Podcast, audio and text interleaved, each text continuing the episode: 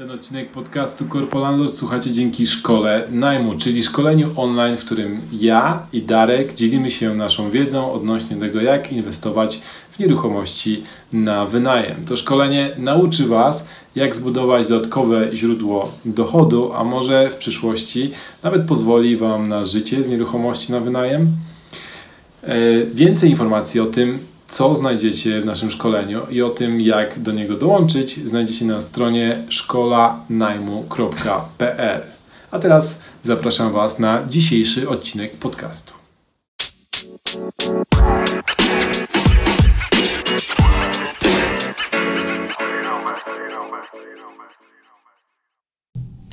Dzień dobry, witamy Was serdecznie w ostatnim odcinku Corpo Landlorda w tym roku. Spokojnie. To jeszcze nie ostatni odcinek, jeszcze się nie poddajemy, jeszcze tu jesteśmy. I dzisiaj taki wyjątkowy odcinek, bo powtórzymy to, co się wydarzyło w odcinku numer 26, czyli podsumujemy mm, rok. Podsumujemy rok, podsumujemy to, co się wydarzyło, podsumujemy nasze wzloty i upadki. E, I tak samo jak w zeszłym roku, chcemy mówić dużo o tym, co nam się nie udało, żebyście mieli taką, żebyście mogli nabrać takiej perspektywy, jak to wygląda u nas. Jeżeli kiedykolwiek Wam przyszło do głowy, że nam to tak się wszystko udaje i w ogóle jest super, to tak nie jest. I e, właśnie po to nagrywamy ten odcinek, żebyście mogli sobie porównać, ile rzeczy nam nie wychodzi ale które rzeczy nam wychodzą i, i, z czego jesteśmy dumni. Ja nazywam się Paweł Kuryłowicz, jest ze mną Dariusz Matczak. Cześć.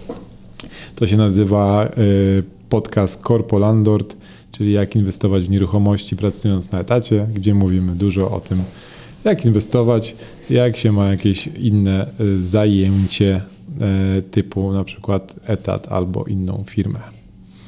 No dobrze, Darku, jak się czujesz po tym, jak y, nagrywamy ten podcast już dwa lata? Prawie. Dwa lata. Strasznie szybko minęło. Ja też tak y, uważam i to jest 50. Nas, nasz odcinek. Y, staramy się tak z regularnością raz na dwa tygodnie nagrać odcinek. Jak widać w tym roku nam się udało i w zeszłym roku nam się udało. Znaczy udało nam się tą częstotliwość utrzymać, co dla mnie jest zadziwiające nadal. Tak, pamiętam jak proponowałeś, e, abyśmy nagrywali co dwa tygodnie. Użyłem nie, niecenzuralnego słowa oznaczającego, że chyba jesteś w błędzie i powinniśmy nagrywać raz w miesiącu. Natomiast rzeczywiście um, nagrywamy co dwa tygodnie. Chyba jeszcze dwa odcinki wyjdą, bo w tym momencie widziałem podsumowanie Spotify'a. Spotify mówi o 21 odcinkach w tym roku nagranych. Więc dwa wyjdą, będzie 23, czyli mamy cały rok właściwie. Z tego co pamiętam, to w zeszłym roku nagraliśmy trochę więcej odcinków. I dlatego w tym roku trochę mniej, a wychodzi, że średnia jest, no, wiesz. Ważne, że średnia jest ok. Dokładnie. W każdym razie, mm, jakbyście nie wiedzieli, to Spotify e, wykupił e, firmę zajmującą się podcastami i sam bardzo mocno inwestuje w ten rynek i zrobił coś takiego, co nazywa się Spotify for Podcasters. I tam widziałem statystyki nasze, drogi Pawle. I właśnie y, Spotify for Podcasters powiedziało mi, że nagraliśmy 21 odcinków, które były odsłuchiwane wiesz w ilu krajach? E, nie wiem, ale na pewno mi powiesz. W zeszłym roku były to kraje tak egzotyczne, jak pamiętam z odcinka numer 26, jak jakieś wyspy na Karaibach. I zazdrościłem tym ludziom, że słuchali nas tam tak, teraz mamy 27 krajów mm, i dalej jest oczywiście 80% to jest e, Polska, trochę Wielka Brytania, a cała reszta to właśnie e, Karaiby, Nepal, e, Wyspa Man, najróżniejsze, najróżniejsze kraje.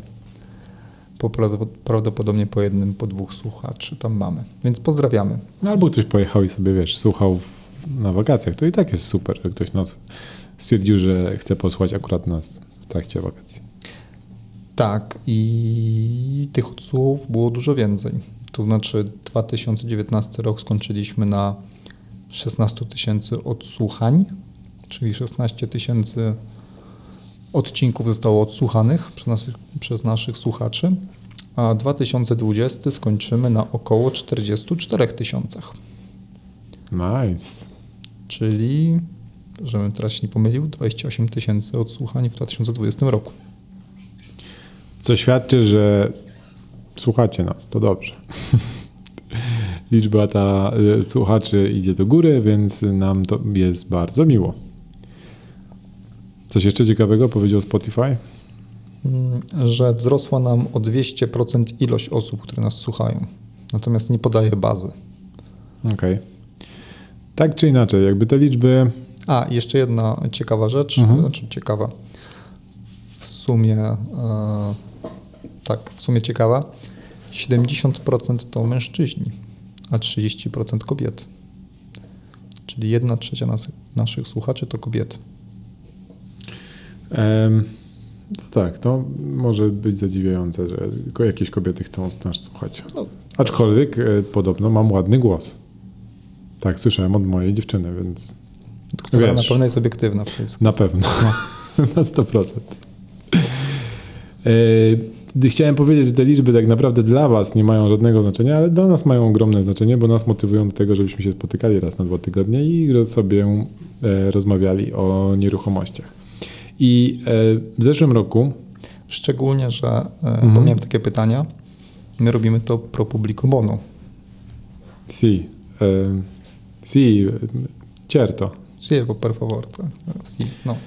E, Co oznacza, że nasz podcast nie przynosi nam tak bezpośrednio dochodów, a staramy się w nim promować trochę to, co robimy w naszym życiu na co dzień, tak? I trochę się dzielić wiedzą, trochę zachęcać Was, żebyście skorzystali na przykład ze szkoły najmu, gdzie ta wiedza jest bardziej ustrukturyzowana i, i gdzie, gdzie staramy się jeszcze więcej z siebie dać. Trochę mówimy o usługach świadczonych przez moją firmę, trochę o tym, co ty byś chciał robić. Ja najchętniej jak najmniej. tak. No ale tak, rzeczywiście, jakby sam podcast stricte, no jak nas słuchacie, to wiecie, że macie go za darmo, więc Chociaż ostatnio ktoś się mnie pytał, tak? Tak. A, no tak, mówiłeś. tak, Czy jest, czy, czy jest czy, darmowy? musi, czy musi zapłacić za słuchanie podcastu. To mam nadzieję, że nigdy nie będziecie musieli płacić za słuchanie naszego podcastu, bo nam jest bardzo też miło, że w ogóle go słuchacie, więc ja do, zadbam o to, żebyście nie płacili. Aczkolwiek jak chcecie nas wesprzeć, to zawsze możecie e, dołączyć do szkoły najmu, której, która jest na platformie akademia.pl i wtedy e, będziemy czuć to, że nas wspieracie. Znaczy, jeżeli ktoś chce też zrobić bezpośredni przelew na konto, to myślę, że spokojnie Tak, możemy tak, podać i naprawdę tak. Tylko nie mniejsze niż 20 tysięcy euro. nie mniejsze. Tak. Bo Dokładnie. tak to trzeba wypełniać jakieś wnioski dziwne, tam Formularze. formularze. Tak. Ale przechodząc do w takim razie do odcinków, No właśnie. Bo, bo ja bym chciał utrzymać tą samą strukturę, która była w 2019, bo mi się to bardzo podobało. Jak zrobiliśmy sobie tak, że podsumowaliśmy sobie poprzedni rok, później sobie powiedzieliśmy o jakichś takich różnych kategoriach, nominacjach, nagrodach i tak dalej, i tak dalej. Właśnie miałem przygotować jakiś dżingiel dzisiaj, tak, tak, taki wiesz, żeby tam... w końcu. No właśnie myślałem, że to coś na telefonie chociaż ogarnę, żeby tutaj przystawić, no ale to może w postprodukcji. Śmieję się, bo my nigdy nie mamy postprodukcji. E, No dobra, to ja będę robił dżingiel na bieżąco i będziemy mówić o nominacjach i o nagrodach e, w tym roku. To takie chyba typowo radiowe, że są nominacje, są nagrody za najlepszy, najlepszą, najlepszy utwór, najlepszego wykonawcę, to my mamy najlepszy fuck up na przykład w 2020 roku. A później może powiemy trochę o naszych planach. I, I tyle. I to będzie taki, taka struktura podcastu. Więc y, nie przedłużając dłużej, ja przypomnę y, o czym, y, co, co było naszymi planami w 2019 na 2020, czyli co chcielibyśmy, co chcieliśmy osiągnąć dokładnie rok temu. Najpierw powiem, co ty chciałeś osiągnąć, Darku, a później przejdziemy do mnie i mam nadzieję, że ja i ty skomentujemy to, jak to się udało. E, zaczynając, Darku, e, mówiłeś o ewolucji w nieruchomościach. Mówiłeś o tym, że, e, że wtedy jeszcze nie chciałeś zdradzać co, ale będziecie robić coś nowego z żoną w nieruchomościach i, i że może się tym podzielisz. Możesz się już podzielić? Mogę się już podzielić. Co to będzie? Znaczy już trochę się dzieliłeś, nie? Tam w którymś odcinku pamiętam, że coś rozmawialiśmy, ale to może po, po, powiedz trochę więcej. Tak, postanowiliśmy y, trochę zmienić strategię i zainwestować w domki na wynajem. I mieliśmy ten pomysł, y, już za nami chodził chyba z półtora roku i w końcu w 2020 roku zaczęliśmy to robić. Ale to też opowiem w czasie, w czasie e, całego odcinka, bo tam jest dłuższa historia na ten temat. Mhm, mhm. Dodatkowo oczywiście dalej inwestuję w mieszkania. E, W sumie to wykończyłem jedno, kupiłem kolejne, E, więc ewolucyjnie mieszkania dalej jakby są w strefie mojego zainteresowania. Natomiast e, no nie szukujmy się, no ROI się zmniejsza, a mieszkania są coraz droższe w tym momencie na rynku. No tak, ale ty mm, jakby pozostajesz cały czas przy wynajmie, prawda? Jakby Tak. twoje inwestycje w nieruchomości polegają na tym, że coś kupujesz albo coś budujesz i to później wynajmujesz. Jakby to jest taka twoja... Tak, tak naprawdę to e, Strategia. ostatnio o tym myślałem. Lokuję kapitał, który zarabiam na etacie, Mhm. w sposób, który przyniesie mi wzrost tego kapitału długofalowo. O, Mhm. Nie tu i teraz nawet, bo sam wiesz, że czasami e, potrafię kupić droższe mieszkanie z mniejszym ROI, ale z większym potencjałem na przyszłość. Więc coś, co mi odda ten kapitał w ciągu roku. I na razie ta strategia mi się sprawdza. Mam takie wyliczenia przez lata, które prowadzę i widzę, że jakby akumuluję ten kapitał na emeryturę. Jakby Czyli cały czas. budujesz portfolio do tego, żeby zastąpić trochę sposób e, pozyskiwania dochodu. Tak, natomiast kiedyś, bo no to w sumie też mogę powiedzieć, ponieważ nawet mnie dopada czasami inflacja życia i ostatnio liczyłem koszty, które mamy comiesięczne, takie stałe i te koszty też mi wzrosły rok do roku, niestety. No dobra, no ale wiesz, dzieci, dzieci rosną, mają coraz większe potrzeby, to czego ty sobie myślałeś? Znaczy ja nie wiem, ja nie mam dzieci, ale tak mi się wydaje, że im starsze, tym większe potrzeby. Tak, tak, tak, tak, więc Okej. właśnie. E, Mówiłeś o tym, że chcesz się skoncentrować na rodzinie w tym roku.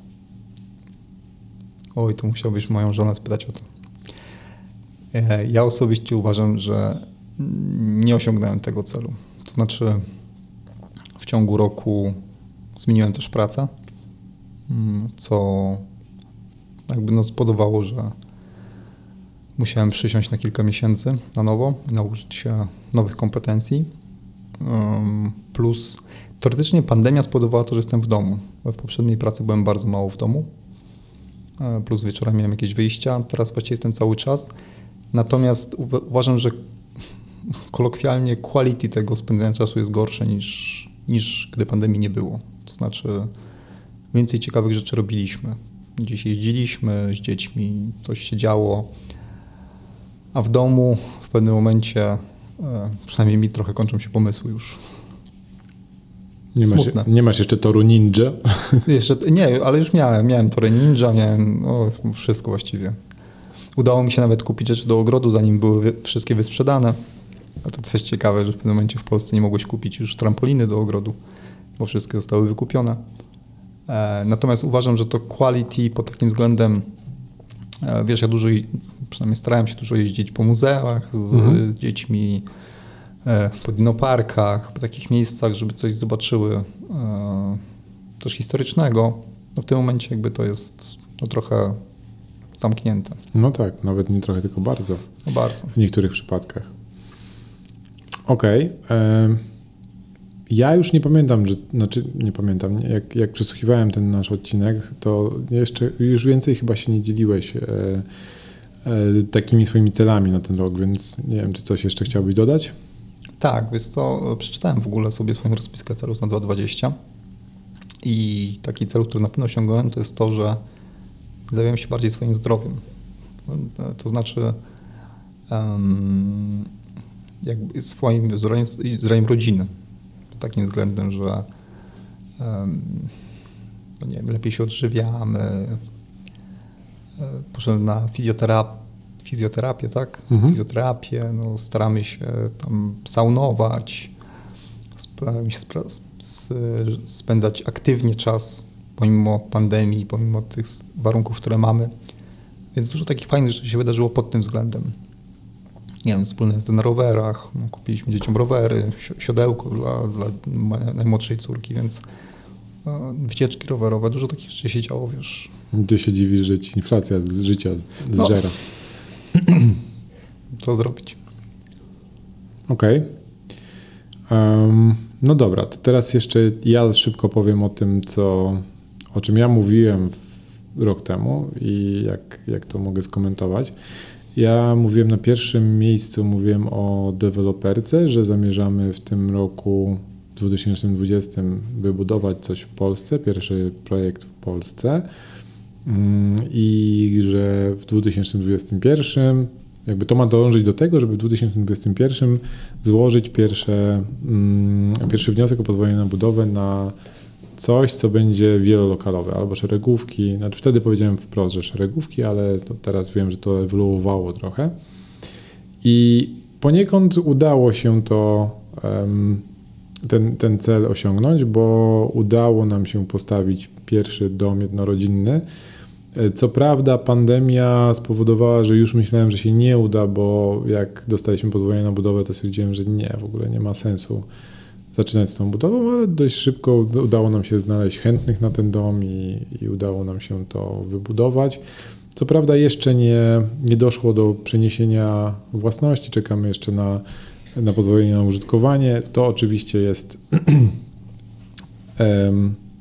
troszeczkę utrudnione poprzez e, to, jak działają w tym momencie urzędy, ale mam nadzieję, że ten e, daleki cel, czyli budowanie mm, wielorodzinnych czy wielolokalowych budynków w przyszłym roku albo w kolejnym, to jest jakby dobry kierunek. Także tu jestem zadowolony. E, mówiłem też o tym, że mm, tak, taki kolejny cel to miałem, że zakończymy w 100% inwestycje w UK. E, niestety nie zakończyliśmy w 100%, natomiast zakończyliśmy w 100% e, ten taki fizyczny proces inwestycji, czyli zakończyliśmy budowę, z czego jestem mega dumny, że z całego zespołu, że nam się udało dokończyć ten, e, ten projekt, w sensie budynek stoi, jest podzielony na mieszkania, w tych mieszkaniach mieszkają w tym momencie trzy rodziny, zostały mieszkania wynajęte. Jak ktoś będzie chciał zobaczyć, jak wyglądają te mieszkania, to zapraszam na mojego YouTube'a. Ja tam e, wrzuciłem taki odcinek podsumowujący to, jak wyglądają mieszkania. I to wyszło naprawdę bardzo fajnie. Mamy pozytywny cash flow, jest super. Problem jest w tym, że jeszcze nie zrefinansowaliśmy tej nieruchomości i tutaj mm, niestety mnóstwo rzeczy idzie nie y, po naszej niezgodnie z, nas, z, naszą, z naszą chęcią. To, co byśmy chcieli, to, to kompletnie się nie wydarza. Przede wszystkim przez to, że Wielka Brytania jest naprawdę mocno dostała, jeżeli chodzi o tą całą pandemię i cały kryzys, który jest związany z pandemią.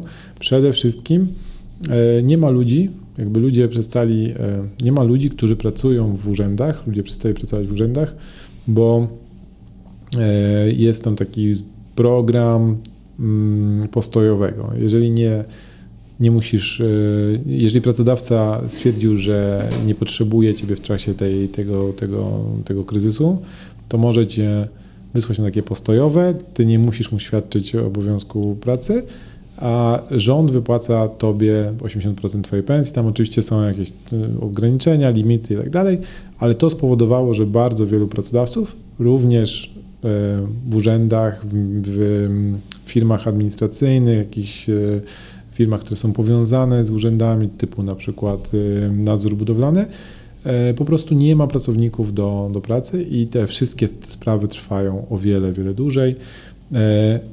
I tak samo jest w bankach, bo my w tym momencie próbujemy refinansować poprzez, poprzez zaciągnięcie kolejnego kredytu. I teoretycznie mamy już umowę kredytową na stole, podpisaliśmy ją, czekamy tylko na to, żeby prawnicy nasi i prawnicy reprezentujący bank dogadali się do, jakby sprawdzili wszystkie dokumenty, dogadali się co do tego, jakie mają być warunki tej umowy i żeby uruchomili pieniądze. Jakby tego nie jesteśmy w stanie w tym momencie przeprowadzić.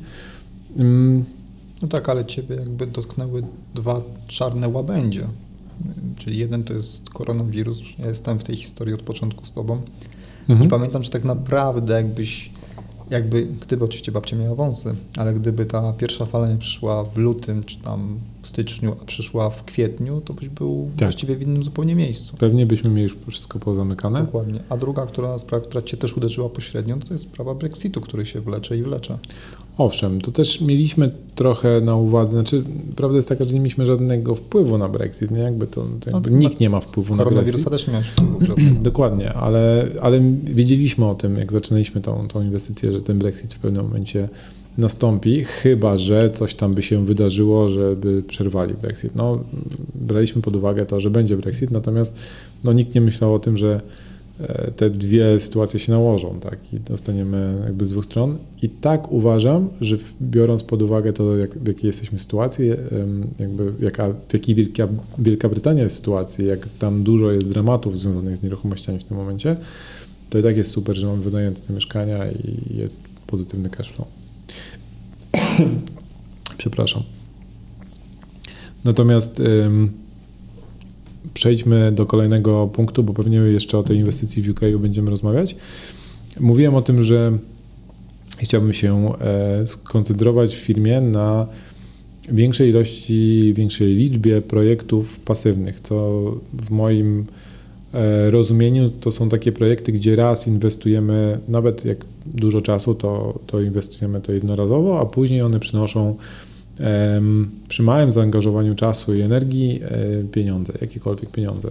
I niestety w tym 2020 nie udało się pozyskać tak dużo projektów, albo nie udało się zrealizować tak dużo e, projektów, jakbym chciał. W zasadzie udało nam się jeden podnajem zrealizować i, I nie mogę sobie teraz przypomnieć, czy coś jeszcze w 2020 nam się udało zrealizować. Większość rzeczy, które robiliśmy, mnóstwo pochłaniało czasu. Oczywiście nie mówiąc o inwestycji w Londynie, która zaczęła przynosić pieniądze i to jest tak, taki, taki według mnie taki, taki projekt e, quasi pasywny. No bo to, to nie jest nigdy tak, że te pieniądze po prostu spływają e, jak na lokacie, ale ale jak musisz się bardzo dużo zaangażować na, zaangażować na początku, a później już bardzo mało, to ja uważam, że to jest spoko. Ale twoja firma remontowa też e, powoli wchodzi w taki model, gdzie ty coraz mniej masz kontaktu bezpośrednio z klientami.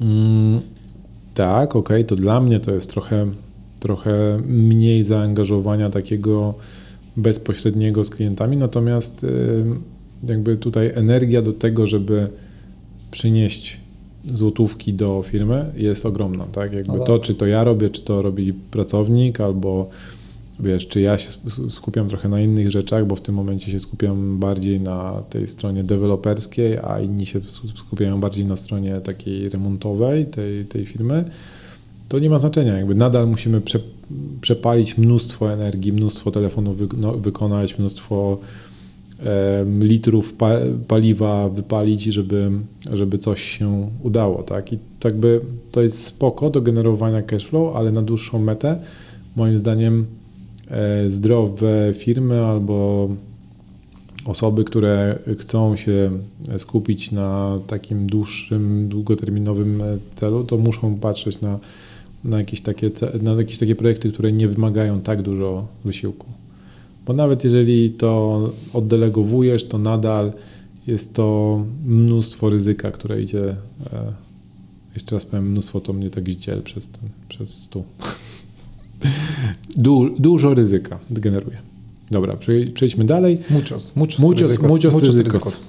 E, zatrudnienie w firmie. Mówiłem o tym, że będę chciał zwiększyć zatrudnienie, ale nieznacznie, bo rzeczywiście w 2019 to się rozrośliśmy trochę jak takie grzyby po deszczu i tych ludzi było e, zatrudnianych bardzo dużo. Natomiast w tym momencie mm, jest fajnie, że w 2020 postawiłem na zatrudnienie osoby od sprzedaży i to się wydarzyło, o czym też za chwilę będę mówił. Mm, natomiast e, samo to, że, że w tą stronę poszliśmy jest super.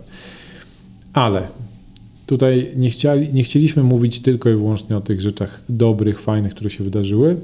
Chcieliśmy też mówić o rzeczach kiepskich, które się wydarzyły w 2020. Jakby ludziom było mało rzeczy kiepskich, które się wydarzyły w 2020, ale chcielibyśmy też Wam powiedzieć, jak to osobiście na nas wpłynęło.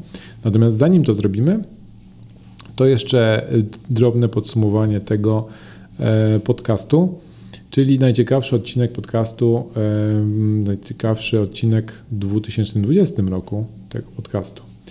I mamy trzy nominacje. Darku. Pierwsza to jest odcinek 35. Konsekwencja oraz wpływ otoczenia na nasze zachowanie. Rozmowa z Miłoszem Brzezińskim. Prawie 2000 odsłuchań. I to jest odcinek, który, mm, który ty poprowadziłeś. Ja nie byłem w ogóle zaangażowany i to też twój gość.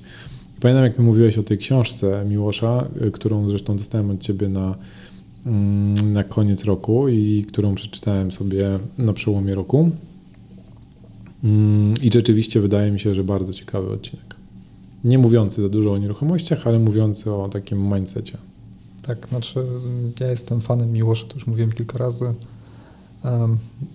I chyba to też zależy na jakim jesteś etapie życia. To mhm. znaczy akurat w tym etapie, w którym ja jestem, czyli y, rodzina, praca, znajomi, gdzie te ogrody trzeba jakoś poukładać sobie też w głowie, to polecam każdemu życiologię Miłosza posłuchanie odcinka.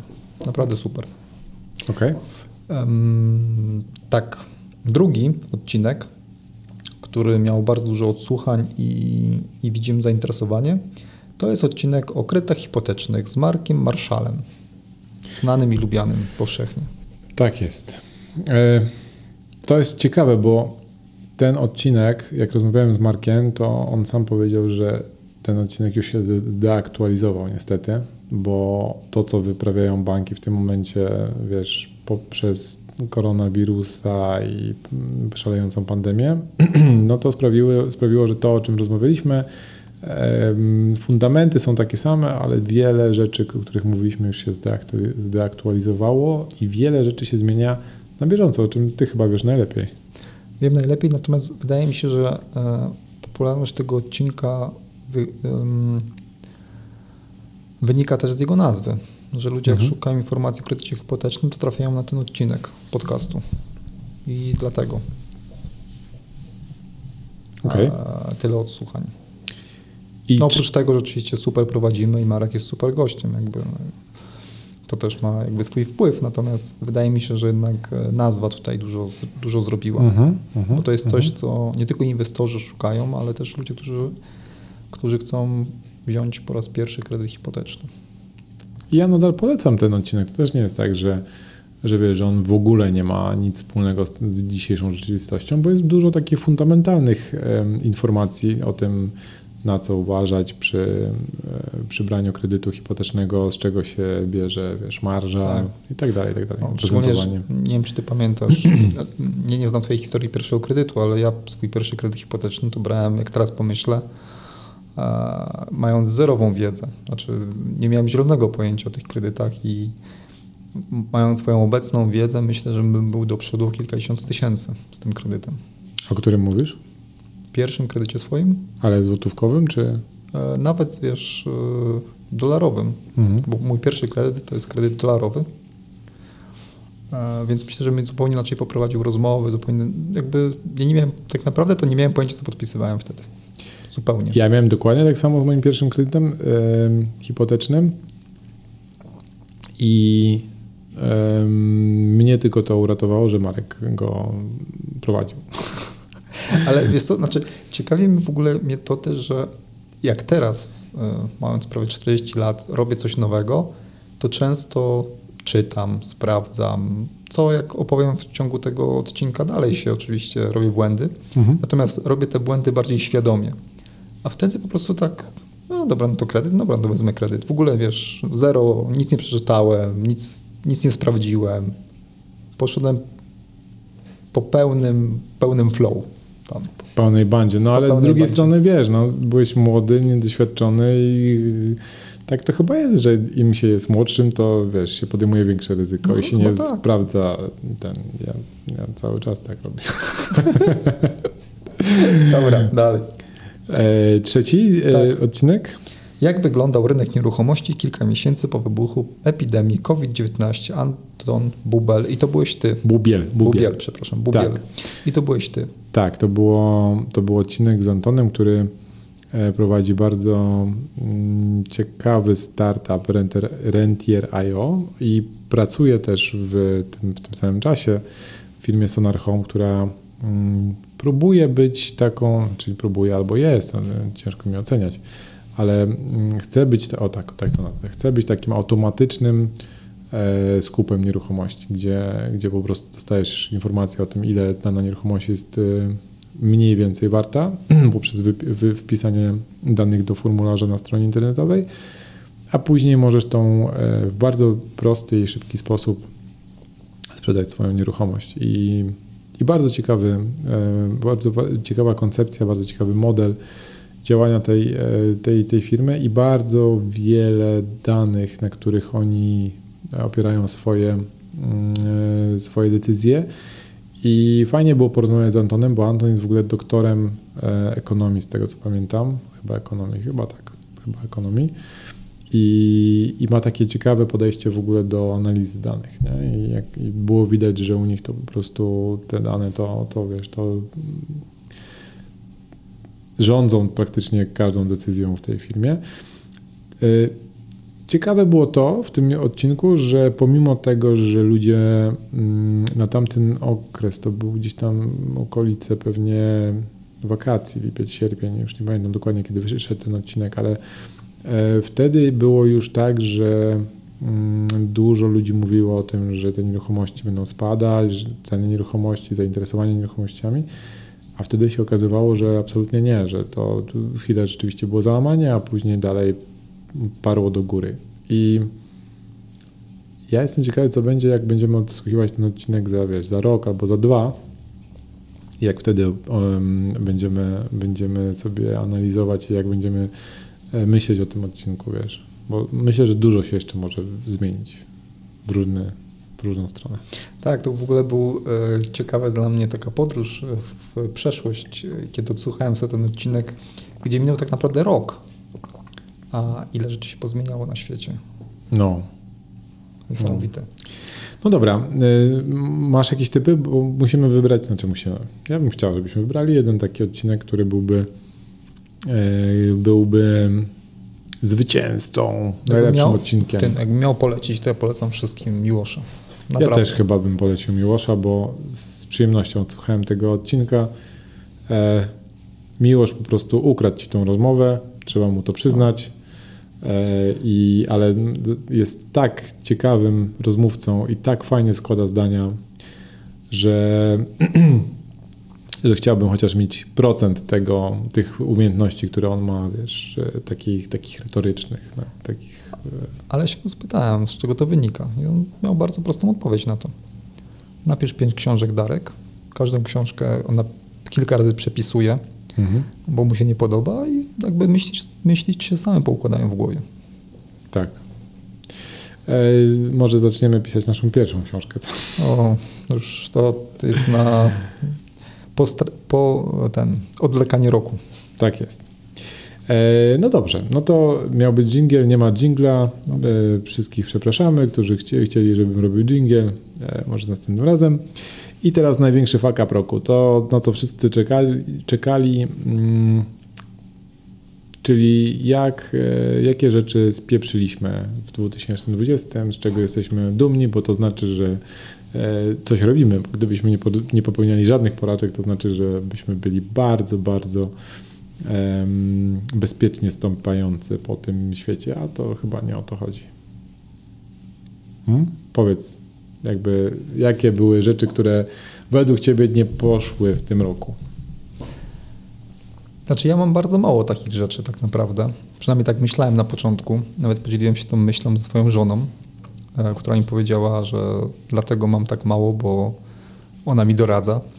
Więc skromnie to ujmując. Doradza Tak. tylko? Tylko doradza. Natomiast e, jak zacząłem myśleć, to rzeczywiście, no jakby z- te fakapy się zdarzają, to jest normalne. E, Mm, Więc pierwszy dla mnie taki największy mój fuck up w tym roku to jest e, kolejny odbiór mieszkania od dewelopera, gdzie rok temu mówiłem, że nie będę odbierał za szybko tego mieszkania. Tak, mówiłeś coś takiego, przypominam sobie. Tak, rok temu odebrałem mieszkanie od dewelopera, gdzie nie było jeszcze kafelek na podłodze e, w, w częściach wspólnych. Mhm. I miałem mieszkanie gotowe pod wynajem. Osoba się wprowadzała, a deweloper kładł kafelki dopiero. Mm, I z tego wynikło oczywiście dużo nieporozumień, e, typu nie było jeszcze śmieci, e, znaczy miejsca do składowania śmieci. Raz zamknęli lokatorce bramę, e, robotnicy. To i- pamiętam, to było i nie dobre. mogła wejść w nocy. No jakby o, cuda, cuda się tam działy. Więc w tym roku powiedziałem sobie nie, już nigdy za wcześnie nie odbiorę mieszkania. No i mam odbiór mieszkania, płytki położone, kamienica gotowa. No, mamy małą Pani Darku obsuwę z kolejnym etapem, ale spokojnie do, do, do tej kamienicy, do której Pan odbiera teraz mieszkanie, będzie wejście z boku, przejście przez inną, jakby ludzie nie będą musieli na tą budowę patrzeć. No i super, odebrałem. Okazało się, że wspólnota, która ma kamienicę obok, nie pozwoliła na przejście przez ich działkę, albo też dali cenę zaporową, e, na którą się deweloper nie zgodził, więc deweloper puścił taką kładkę przez budowę. Czyli żeby dojść do tej kamienicy, trzeba przejść przez budowę. O, fuck. I to jeszcze nie tak e, elegancko, tylko e, przez. e, Idziesz przez mieszkania. Ty byłeś tam chyba ze mną, czy nie? Byłem, ale ten budynek jeszcze wtedy był wydmuszką, jak, A, okej. jak go oglądaliśmy. No to jest tak, że musisz przejść przez jakby przez kamienicę, Mhm. Przez mieszkania, które są jeszcze połączone. Ja nie wiem, co oni zrobią, jak te mieszkania będą już dzielili, bo w tym momencie jest po prostu jakby pusta przestrzeń, Mhm. więc przechodzisz przez, przez budowę. Oczywiście masz niby zabezpieczone jakby siatkami boki, natomiast no generalnie idziesz przez budowę do tej kamienicy. Więc e, no, zainteresowanie, pomimo tego, że mieszkanie jest piękne, kamienica jest piękna, wszystko jest wykończone, no było, że rzekłbym tam średnie, średnie. I w końcu wynająłem to mieszkanie e, trochę poniżej tego, co zakładałem i w sumie jestem zadowolony z tego, jak wyszło, natomiast e, byłem pewien, że przez kilka najbliższych miesięcy nic z tym nie zrobię. Więc kolejna lekcja, oczywiście ważne jest, żeby części wspólne były zrobione, kamienica gotowa, ale też ważne, żeby okolica wyglądała w miarę przy wynajmie. Takie tam podstawowe rzeczy, Takie tam niuanse. niuanse. I to też niestety jest ból, gdy zdalnie to robisz, e, bo gdy masz już stałe ekipy, to właściwie my w Łodzi no, dajemy klucze, rozliczamy się. Ja tam byłem raz na początku, jak odbierałem i później jak odbierałem mieszkanie. Więc jeszcze jak, jak odbierałem klucz od dewelopera, mówię, dobra, no to jakieś tam 2-3 miesiące, to już to będzie jakoś wyglądało, już tam coś pewnie zrobią. No i przyjeżdżam po dwóch, trzech miesiącach i to wygląda jeszcze gorzej, bo błoto jest. O yeah. Więc to też jest taki ból pracy zdalnej jakby, załatwiania. Więc to jest pierwszy mój. Drugi to em, księgowy jest bardzo ważną osobą w firmie. I mam jedno mieszkanie, które mógłbym amortyzować e, stawką indywidualną 10%. Mhm. No i powiedzmy mógłbym uzyskać kilkadziesiąt tysięcy kosztów rocznie z tego. Natomiast moja poprzednia e, księgowa mm, z jakiegoś powodu nieznanego mi wyznaczyła tam stawkę 1,5% amortyzacji. 1,5% amortyzacji to jest standardowa stawka amortyzacyjna przy nowym mieszkaniu. No właśnie, no, przy, przy pierwotnym, Przy pierwotnym, jest 1,5%. tak. I ja jakoś tego nie zauważyłem. Potem sobie bzdurałem, że przecież tą amortyzację można zmieniać w, w trakcie, więc to nie jest problem. No i mój nowy księgowy mi na to zwrócił uwagę. Ja mówię, no dobrze, no to zmieńmy to, przecież tam podwyższmy. Mówi, nie, nie można już. Jak zacząłeś Naprawdę? raz, tak, jak zacząłeś raz, to już koniec. Ups. Ups. Znaczy można byłoby wrócić, tylko trzeba by było wrócić aż e, no, do 2000 tam chyba 19, 18 albo 19 roku. Nie pamiętam kiedy zacząłem amortyzować tą nieruchomość. Mhm. No i to, nie, to jest kurka za wyprawkę jakby. No, więc Czyli Więc- co, lepiej, lepiej wyższą amortyzację nałożyć niż niższą, żeby No. mieć później zapas tych kosztów y, przy rozliczaniu? według mnie tak, szczególnie, że załóżmy sobie, że amortyzujesz mieszkanie warte tam 500 tysięcy, tak? Mhm. No to 1,5% to będzie A, 7,5 tysiąca, tysiąca, no. tak. A 10%? no. 50 To tysięcy. według mnie 50. Więc tak 30 byłoby I to optymalnie. rocznie, 7,5 Rocznie. tysiąca i 50 No. tysięcy rocznie. Poza tym y, 1,5% amortyzacji to masz y, 50, 60 tam lat chyba, tak? Dla tych, co nie wiedzą o co chodzi, to jest tak, jest amortyzacja, czyli taki mm, trochę wirtualny koszt nieruchomości, który się odlicza od przychodu, jeżeli się y, rozliczacie na skali podatkowej. Nie ryczałtem, tam 8,5% od najmu, chociaż teraz też się chyba będzie zmieniało te ryczałty. Nie wiem, nie, nie będę nie chcę nikogo wprowadzać w błąd, ale mamy ryczałt i mamy skalę podatkową. Jeżeli skala podatkowa, to płacimy podatek od zysku, a nie od dochodu, czyli od tego, co zostaje nam po odjęciu kosztów. I najczęściej ludzie robią tak, że przyjmują, załóżmy, 2000 zł od y, najemców, mają koszty w postaci e, ubezpieczenia tej nieruchomości, czasami odliczają media, to tam różne są sposoby odliczenia tego, mają opłaty administracyjne, coś tam jeszcze w tym mieszkaniu robią, raz na jakiś czas jakiś remont, coś tam i to wrzucają w koszty. Ale jest jeszcze coś takiego jak amortyzacja, czyli od, odliczanie części wartości nieruchomości, która, e, która jest wirtualnym kosztem, bo ten koszt po- ponieśliście na początku, kiedy kupiliście to, to mieszkanie, ale później dzielicie go- na części i możecie odliczać tę część tych kosztów e, w ciągu trwania tych lat, które wyjdą właśnie przy tym, jak podzieliście koszty. No i Darek podzielił 1,5% wartości nieruchomości co roku, czyli jeżeli jego mieszkanie jest warte te 500 tysięcy, to 7,5 tysiąca rocznie może odliczyć jako koszty, a mógł aż 50 tysięcy, czyli no, znacząco więcej miesięcznie. Tak? I teraz to ma ogromny wpływ na to, czy wykazujecie do Urzędu Skarbowego zyski, e, od których musicie odprowadzić podatki, Tak. czy nie, wykazu- nie wykazujecie zysków, tylko wręcz albo straty, albo jesteście po prostu na zero. I pomimo tego, że dostaje Wam z tego najmu, który otrzymujecie od, od e, najemców, zostaje Wam kasa na koncie, to nie musicie od tego płacić podatku, bo macie ten wirtualny koszt, jakim jest amortyzacja. No, także moje mieszkanie zamortyzuje się, będę miał około 100 pewnie lat. Mhm. No i, i, i tak to, no. Jakby No, bo, boleję nad tym, no, ale nic z tym nie zrobię, no. Niestety. cóż zrobić. Coś zrobić. E, spokojnie, spokojnie. Ja też mam historię z księgową w tym odcinku, więc e, to będzie, to będzie wiesz, e, otrę, otrę ci twoje łzy. Zawsze się pocieszę, że masz gorzej, naprawdę. No, Poznam twoje historie. Ja wiem. I ostatni, mm, więc tak jak mówiłem na początku, chcieliśmy inwestować w ziemię i przez półtora roku zastanawialiśmy się, szukaliśmy i w końcu kupiliśmy. No i dla mnie takim fakapem jest to, że przez półtora roku o tym rozmawialiśmy, szukaliśmy i w końcu kupiliśmy. I tak jak też mówiłem na początku, dalej o ziemi, znaczy teraz już mam większy jakby wiedzę, natomiast kupując miałem bardzo małą wiedzę, czego też żałuję. I gdybym tylko wysłuchał e, dwóch odcinków z Marcinem Jarzyńskim, jeden odcinek 46 u nas o zakupie ziemi i z Krzysztofem Derdzikowskim, który jeszcze nie jest wyemitowany, ale będzie już na, niedługo, pewnie w styczniu, Mhm. to pewnie tą ziemię kupił taniej, lepiej, szybciej, sprawniej i tak dalej. Więc jakby projekt idzie do przodu, ale no nie jestem zachwycony jakby pod względem procesu, który szedł. Może w ten sposób. Dobra, ty nie jesteś zachwycony, że jeszcze nie masz sauny, w której możesz siedzieć, a już jest zimno. To jest inna kwestia zupełnie. Ja wiem, ja wiem. A teraz Pawle, co u Ciebie powiedz? Bo u Ciebie to jest uuu, można wybierać, przebierać. Słuchaj, drodzy, drodzy słuchacze, przed nami jeszcze kolejne dwie godziny podcastu. W tym momencie ja będę mówił o, o moich fakapach.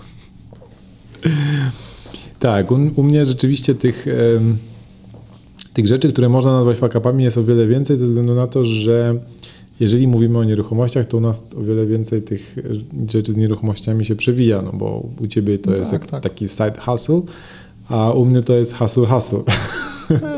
U mnie jest jakby proces ewolucyjny, no u Ciebie jest rewolucja jakby za każdym U razem. nas jest rewolucja co tydzień mniej więcej. Myślę, że Ty w miesiącu robisz więcej niż ja przez rok. O, no czasami tak pewnie może się zdarzyć. Ja długo się zastanawiałem w ogóle jak wybrać te takie fakapy roku, bo tych fakapów jest tak dużo co jakiś czas i to chcieliby, chciałbym, żebyście to zrozumieli, że tych rzeczy, kiedy prowadzi się przedsiębiorstwo e, jest mnóstwo. E, I... Zawsze jak mam gorszy dzień, to dzwonię do Pawła, pytam się, co słychać. I wtedy czasem... wiem, że u mnie nie jest aż tak źle. Tak, tak. No, czasem jest tak, że ja już ja już powiem Ci, że jak patrzę na te rzeczy z perspektywy czasu, to nawet nie nazywam ich fakapami, bo już jak je rozwiązaliśmy, no to no było, minęło, no trudno, wiesz, nawet już nie pamiętam o nich, nie? Aczkolwiek czasami naprawdę potrafią e, zepsuć, zepsuć krew i humor i możesz mieć bezsenne noce przez to. E, ale do rzeczy. E, wybrałem takie trzy, które mam nadzieję, że też dadzą Wam trochę do mm, takich kilku, kilka przemyśleń, bo akurat wydaje mi się, że one mi najbardziej też dały do myślenia w tym roku i spowodowały jakiś tam ciąg przyczynowo-skutkowy. Jedną taką rzecz miałem. Mieliśmy dość duży fuck na jednym z remontów.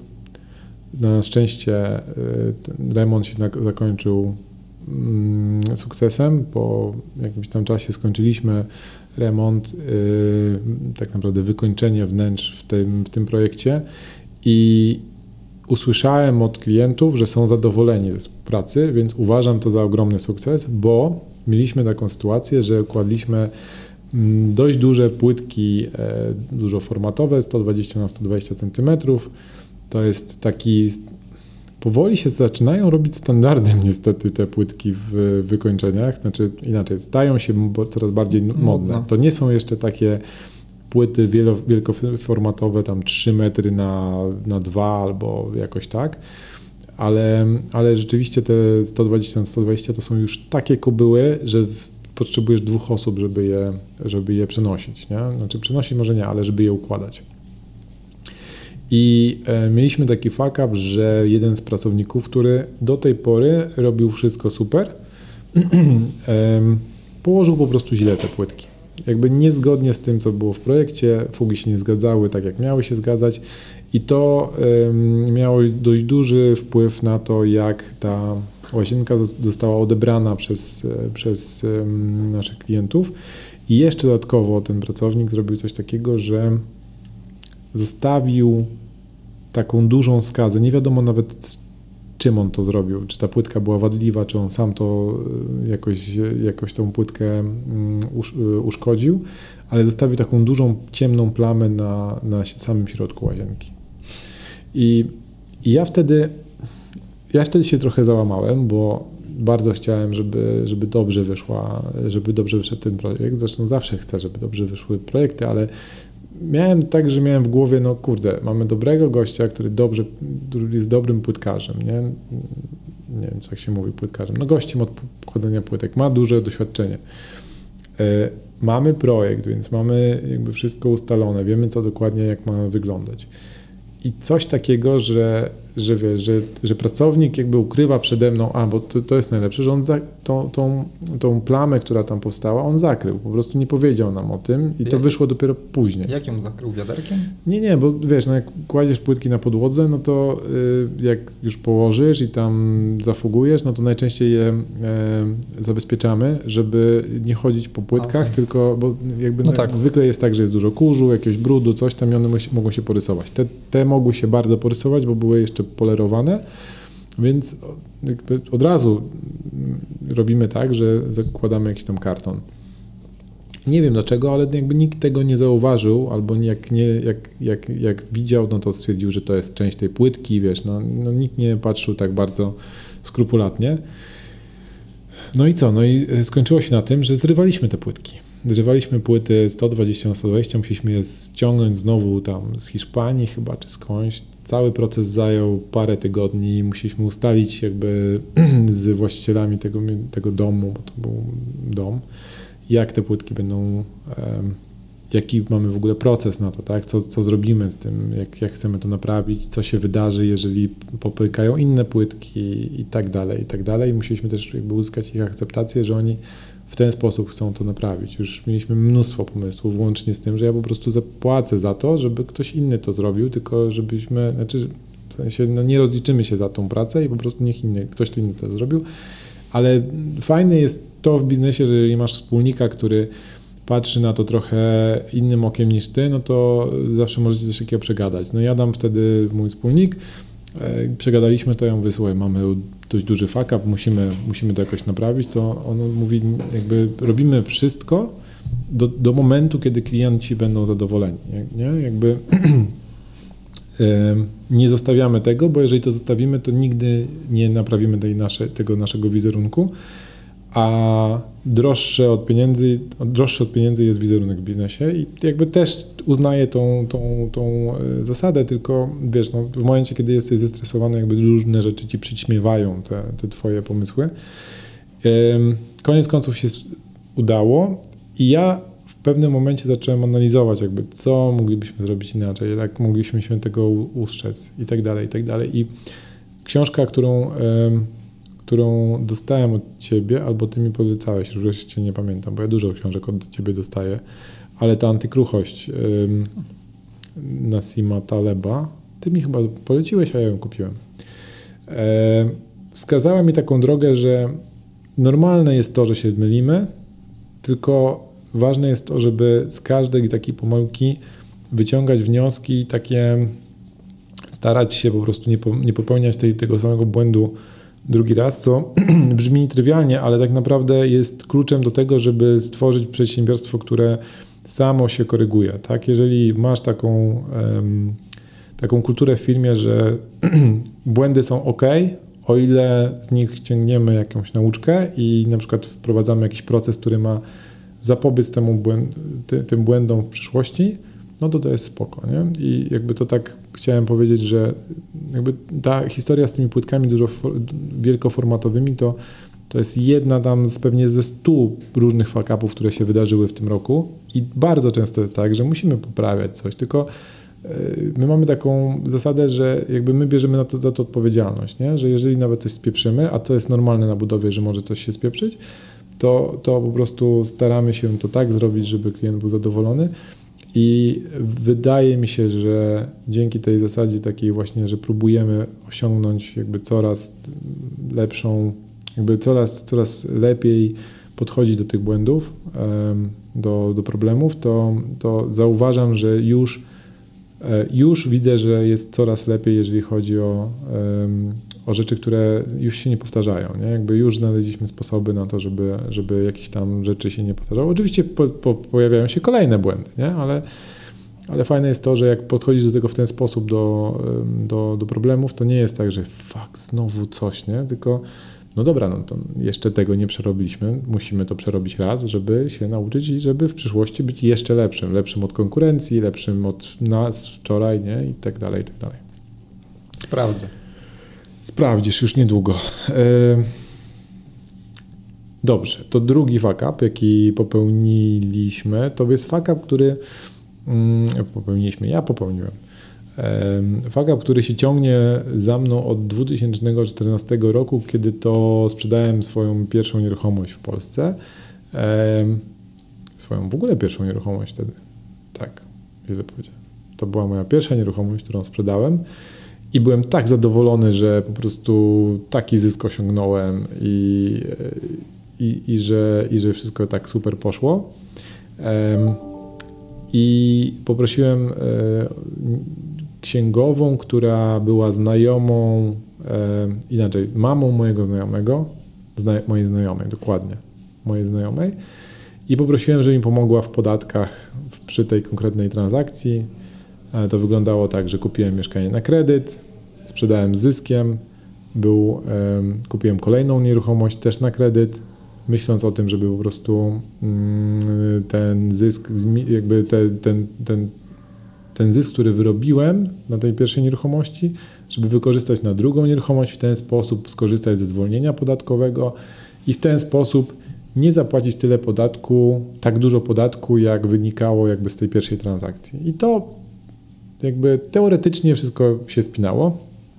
Mówię teoretycznie, bo w tym roku zapukał do mnie Urząd Skarbowy, mówiąc, że sprawdzam. Ale czemu w tym roku? Dlatego, 14. że y, oni mają czas y, mm, 5 lat od końca roku podatkowego. A, okay. Czyli teraz im by się skończył w grudniu czas pewnie. Tak. Okay. Gdyby nie zapukali do mnie, co się, co, tak, tak, taki, taka ciekawostka też, oni pukają do wszystkich. Od razu mówię, nie miałem z tym nic wspólnego. Znaczy żadne tam, nie napisałem, nic nie zrobiłem. Dobra, dobra. No. E, pani w Urzędzie Skarbowym powiedziała mi, że, że oni pukają do wszystkich. Wszyscy, którzy skorzystali z e, zwolnienia, zwolnienia z podatku, tego konkretnego podatku, czyli od e, sprzedaży nieruchomości, dostają list o, y, o, to, o tym, żeby wytłumaczyć się z tego, w jaki sposób policzyli to zwolnienie. I co się okazało? Osoba, która mi pomagała, e, w dwóch miejscach popełniła błąd. Po pierwsze, zakwalifikowała koszty związane z pierwszym kredytem jako koszty, które wpisała jakby do zmniejszenia tego zysku, który otrzymałem. Okazało się, że koszty związane z kredytem nie mogą być w ten sposób zakwalifikowane. No to jest w ogóle szaleństwo. No tak, no ale tak Urząd Skarbowy sobie wymyślił i, i tak według nich musi być. Mm, a druga rzecz to mm, to zwolnienie z podatku rzeczywiście jest, tylko że ono jest proporcjonalne. To znaczy, jeżeli Twój przychód z, z, pierwszego, z pierwszej transakcji, przychód to znaczy tyle, ile pieniędzy zostało przelane od kupującego na, na konto Twoje lub konto bankowe, to nie ma znaczenia, tak? tylko tyle, ile jest, jest na akcie notarialnym. W moim przypadku tam było załóżmy 535 tysięcy chyba, coś takiego. To te 535 tysięcy to jest Twój przychód. I teraz oni liczą, ile z tego przychodu wykorzystałeś na cele mieszkaniowe, na przyszłą nieruchomość. Tak? Czyli czy te 535 tysięcy wydałeś na nowe mieszkanie, czy wydałeś na e, remont, czy na budowę domu i tak dalej, tak dalej. No ja nie mogłem wydać tych 535 tysięcy, bo e, spłacałem kredyt, ten pierwszy, tak? Czyli część pieniędzy trafiła do mnie, tam 100 ileś tysięcy złotych, a reszta wpadła do, na konto bankowe, bo spłacałem kredyt. Więc no, nie miałem pieniędzy na to, żeby tyle samo e, przeznaczyć. No, moje rozumowanie było takie, że jeżeli kupiłem kolejną nieruchomość, nawet droższą, za, za pieniądze, które za podobne pieniądze um, kupiłem kolejną nieruchomość, czyli wykorzystałem jakby podobną ilość pieniędzy na cele mieszkaniowe, no to wszystko jest ok. Okazało się, że nie, bo jak zaciągnę kredyt, to oni już nie biorą tego pod uwagę, że wydałem pieniądze, że wydałem część tego przychodu, czy tam cały ten przychód, który uzyskałem z pierwszego mieszkania, na kolejne. I ten, to, że zaciągnąłem kredyt, bo pani wytłumaczyła mi, no, no, gdyby pan na przykład pożyczył pieniądze od wujka albo od kolegi, no to my byśmy się nie dowiedzieli o tym, że pan wziął kredyt, no bo kredyt mieszkaniowy no to jest wpisany w akcie notarialnym i oni od razu widzą, tak? Ale byśmy się wtedy zapytali, skąd pan wziął pieniądze. I wtedy byłoby jeszcze gorzej, bo by pan dostał e, karę za ukrywanie tam, e, na przykład jeżeli pan nie zapłacił e, podatku od pożyczki, no to, to ukrywanie dochodu, coś tam, coś tam, coś tam. Ja mówię, świetnie, ok. I jak się okazało, mm, to, to jeżeli wykorzystaliśmy na przykład 10% czy 20% z tej pierwszej kwoty, to tylko tyle możemy sobie odliczyć od podatku, czyli te 20% możemy zwolnić. Czyli jeżeli załóżmy nam wychodzi 200 tysięcy podatku do zapłacenia, przesadziłem teraz, ale załóżmy 40 tysięcy podatku do zapłacenia, a wykorzystaliśmy 10% e, kwoty, którą pozyskaliśmy z tego pierwszego mieszkania na zakup drugiego, bo na przykład na wkład własny i później jakiś remont, coś tam, coś tam, Przepraszam najmocniej. Na zdrowie. E, no by. E, to jeżeli te 10% wykorzystaliśmy, to tylko 10% podatku możemy sobie zwolnić, tak? Czyli z 40 tysięcy podatku, który nam wychodzi, możemy sobie odliczyć tylko, znaczy zwolnić się z 4 tysięcy złotych. Nie wiem, czy ty to rozumiesz, bo ja mi to, to trochę zajęło. Ja rozumiem, ale słyszałem tą historię już 3-4 razy. Myślę, że hmm. słuchacze będą musieli to odtworzyć sobie jeszcze 4 razy. Tak. Natomiast e, no, znaczy dla mnie jest jakby podobna struktura e, do mojego problemu, czyli powtarzam to wszystkim dookoła i w szkole najmu też mówimy o tym, dobry księgowy. Tak. Naprawdę ktoś, kto, do kogo macie zaufanie i kto wie, o czym mówi. Bo to jak z lekarzem, wszyscy myślą, że każdy lekarz wie wszystko. No nie, po to są specjalizacje. Tak, y, dla potwierdzenia tego, znaczy nauczka była taka dla mnie, że po pierwsze nie powinienem prosić tą, tej osoby o taką darmową przysługę, bo wtedy nie mieliśmy w ogóle na papierze sformalizowanego tej, tej, tej pomocy księgowej, mm, no tak, księgowej. I no nie obejmowało nas ubezpieczenie tej księgowej. Tak? Gdybym zapłacił za tą usługę, podpisał jakąś umowę i tak dalej, no to pewnie po prostu bym poprosił o numer polisy ubezpieczeniowej i przynajmniej em, odsetki od tego kredytu, od tego, Boże, od tego e, podatku zostałyby spłacone przez ubezpieczenie tej, tej księgowej. Skończyło się na tym, że mm, ta księgowa jakby przestała pracować dla naszej firmy, bo w pewnym momencie od początku tej trwania e, działalności prowadziła naszą księgowość. No więc stwierdziłem, że jeżeli tam popełniła błędy, no to nie chciałbym drugi raz się przekonać, czy nie popełniła jeszcze gdzieś błędów.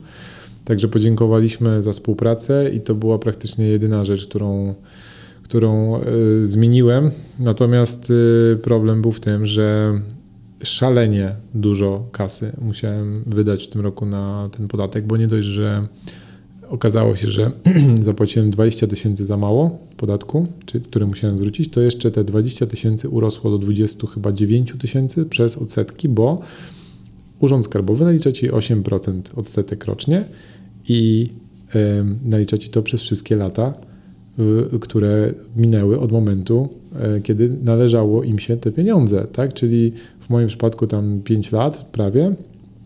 E, naliczyli e, w każdym roku po 8% i jak podliczysz to od 20 tysięcy się zrobiło 20 tam 8500, no to 8,5 tysiąca odsetek to jest prawie połowa tego, co, co należało się Urzędowi Skarbowemu. Ja nie mam nic do tego, że oni tak, znaczy mam trochę do, do, do Urzędu Skarbowego, czy tam do ustawodawców, że, że tak pokręcili te przepisy, że nawet księgowa nie jest w stanie tego zrozumieć i to jest porąbane w naszym kraju i to trzeba przyznać. Okej, byłem e, winny tych pieniędzy, ale wkurzające jest to, że jeszcze musiałem dopłacić 8 koła podatku, gdzie oni mogli wrócić tak naprawdę po kilku miesiącach do mnie, że ej, policzyłeś źle podatek, albo pokaż nam, jak policzyłeś podatek, to sprawdzimy to.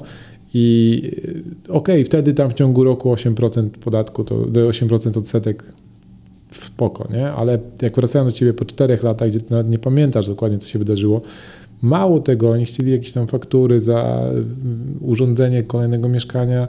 Ja mówię, no wtedy akurat nie kolekcjonowałem tych faktur, bo nie miałem działalności. Dla mnie to nie było jakieś tam takie ważne, tak? Więc no to proszę wrócić do tego wykonawcy i poprosić o, do, do jakieś tam e, kopię faktury i tak dalej. Jak, jak to zrobiłem, to w ogóle wiesz, było na razie człowieku. No, także bardzo, bardzo e, bolesna lekcja. Ale wspomogłeś budżet państwa. Wspomogłem budżet państwa, na pewno dużo dobrego z tego będzie. E, Na sam koniec jeszcze mi przywalili nie, nie, nieprzyjemną historią, bo ja poprosiłem o rozłożenie tego na raty. Okazało się, że przez to, że raty wpływały o dzień później niż powinny, te raty mi w pewnym momencie przerwano, czy po prostu całą tą umowę ratalną mi przerwano. Zablokowali mi kwotę, która została do spłaty na koncie. Całe szczęście miałem te pieniądze na koncie, bo jak się później okazało, jak nie masz pieniędzy na koncie, to ci blokują wszystkie konta na, te, na tą kwotę. Także mi zablokowali jedno konto na szczęście i jeszcze dopieprzyli mi e, kwotę za odsetki dodatkowe i za to, że zablokowali mi te pieniądze na koncie i po prostu wyszedłem na tych, na tych, na tych ratach po prostu najlepiej, jak tylko mogłem. Także dość spora lekcja związana z podatkami.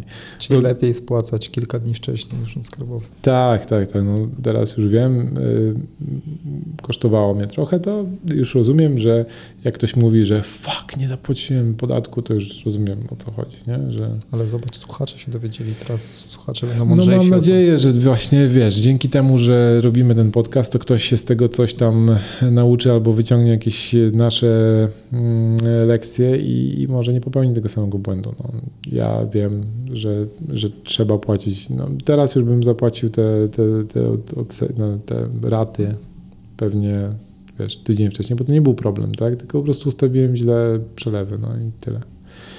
Okej, okay. ostatnia rzecz, którą uważam za duży fuck up w, e, w tym roku, to formalności w UK. Trochę się już na, na ten temat rozgadałem, więc już nie będę powtarzał. Zjadły nas po prostu formalności. E, takim chyba największym problemem, jaki mieliśmy, to był nadzór budowlany, który mm, zwlekał z takim pozwoleniem na użytkowanie na, naszym polskim. Nie? Czyli tam jest tak, że y, ty oddajesz wszystkie dokumenty nie do urzędu, tylko do nadzoru budowlanego. Nadzór to kolekcjonuje. Nadzór y, może być albo mm, taki nadany z urzędu, bo tam jest tak, że możesz iść albo do, do urzędnika, który jest y, takim nadzorem budowlanym, albo do firmy zewnętrznej, która ma uprawnienia nadzoru budowlanego i świadczy takie usługi. I tam jak czytałem na początku, no to wszyscy polecali iść do, do firmy zewnętrznej, bo oni e, nie mają takich dużych e, dużych kolejek, jakby tam jest wszystko jakoś bardziej poukładane, bo może być tak, że jak do urzędnika pójdziesz, no to poprosisz, żeby on był we wtorek na budowie, on przyjeżdża ci we wtorek, ale na dwa tygodnie później, bo ma taką dużą kolejkę i na przykład nie mają wystarczająco dużo pracowników i nic nie zrobią z tym. I ci mówią, sorry, no przyjadę, kiedy, kiedy będę mógł, a jak masz do zalania fundamenty i potrzebujesz tej osoby w danym dniu koniecznie, no to wtedy może być problem. No i poszliśmy w stronę firmy, czyli zewnętrznej firmy, która była nadzorem budowlanym. Oni zebrali od nas wszystkie dokumenty i wrócili do nas w międzyczasie. A wiecie co? Tutaj jest tak, że te domykacze do drzwi nie, nie spełniają wymagań, musicie je zmienić.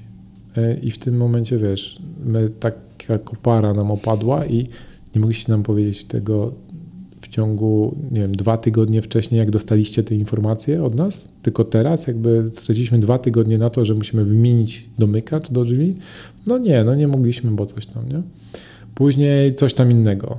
A, bo tutaj jeszcze brakuje nam jednego dokumentu, bo wy nie przedstawiliście jakiegoś tam certyfikatu od E, firmy, która robiła pomiary dźwiękoszczelności tam pomieszczeń. To, no, jest, to jest piękna w ogóle historia. Opowiedz o tej dźwiękoszczelności pomieszczeń w UK. No, według przepisów jest tak, że jeżeli wydzielasz poszczególne mieszkania z e, budynku, no to musisz e, przedstawić certyfikat tego, że są jakieś tam certyfikat, który mówi, że spełniasz odpowiednie wymogi. I te wymogi mają za zadanie sprawić, że mieszkańcy tym samym budynku nie słyszą siebie nawzajem, albo przynajmniej jest to jakoś tam zminimalizowane. I zastanawiam się, co, co, co mówisz poprzez to, że było ciekawe, bo to było tak, że najpierw ta firma dostała kasę za to, żeby nam poradziła, jak mamy przygotować te przegrody, czyli te, te ściany e, działowe pomiędzy mieszkaniami żeby one rzeczywiście spełniły te wymogi, no bo wiesz, jakby nie wiedzieliśmy, tak, co dokładnie musi być w tych ścianach, żeby, żeby to spełniło wymogi. No to oni napisali nam taki obszerny dokument, my się zastosowaliśmy do tego obszernego dokumentu, przyjechali i powiedzieli, a, nasz architekt w ogóle powiedział, e, to teraz jest odpowiedni moment, żeby oni przyjechali i zrobili te pomiary. Przyjechali, zrobili pomiary, no nie spełnia wymogów. Jak to jest spełnia? No, bo tam jeszcze macie dziurę, od tam elektryk zrobił dziurę, bo potrzebował przenieść jakiś tam przewód, no i nie spełnia. No to nie, nie wiedzieliście, że nie ma sensu robić pomiarów, jak są dziury, to wystarczyło nam powiedzieć, że są dziury, żebyśmy naprawili, to byśmy naprawili. No nie, no ale jak przyjechaliśmy, to zrobiliśmy. No. A każdy pomiar? Swoje kosztował setki funtów. funtów. Tak, yy, więc wrócili jeszcze raz, zrobili pomiary, powiedzieli, no wszystko się zgadza, proszę, tu jest certyfikat. No i wiesz, ja widziałem ten certyfikat pierwszy raz, więc mówię, no tu jest accepted, accepted, coś, coś, coś tam. Okej, okay, jest, jest spoko. Wysłaliśmy to do naszego przedstawiciela tej firmy nadzoru budowlanego. Oni e, otrzymali, e, znaczy on otrzymał te dokumenty i powiedział, że wszystko jest ok, że składa tam dalej, tam daje do swojego ofisu, do swojego biura. I dopiero w biurze po trzech miesiącach od tego, jak on dostał te dokumenty, zauważyli, że ten certyfikat oczywiście mówi, że jest accepted, że te wymogi są, to, są spełnione, ale dla jednej przegrody, a jeszcze jest druga, jakiś tam, wiesz, między sufitem, znaczy między jednym mieszkaniem a drugim, czyli tak jakby przez podłogę nie zrobili jakiegoś pomiaru.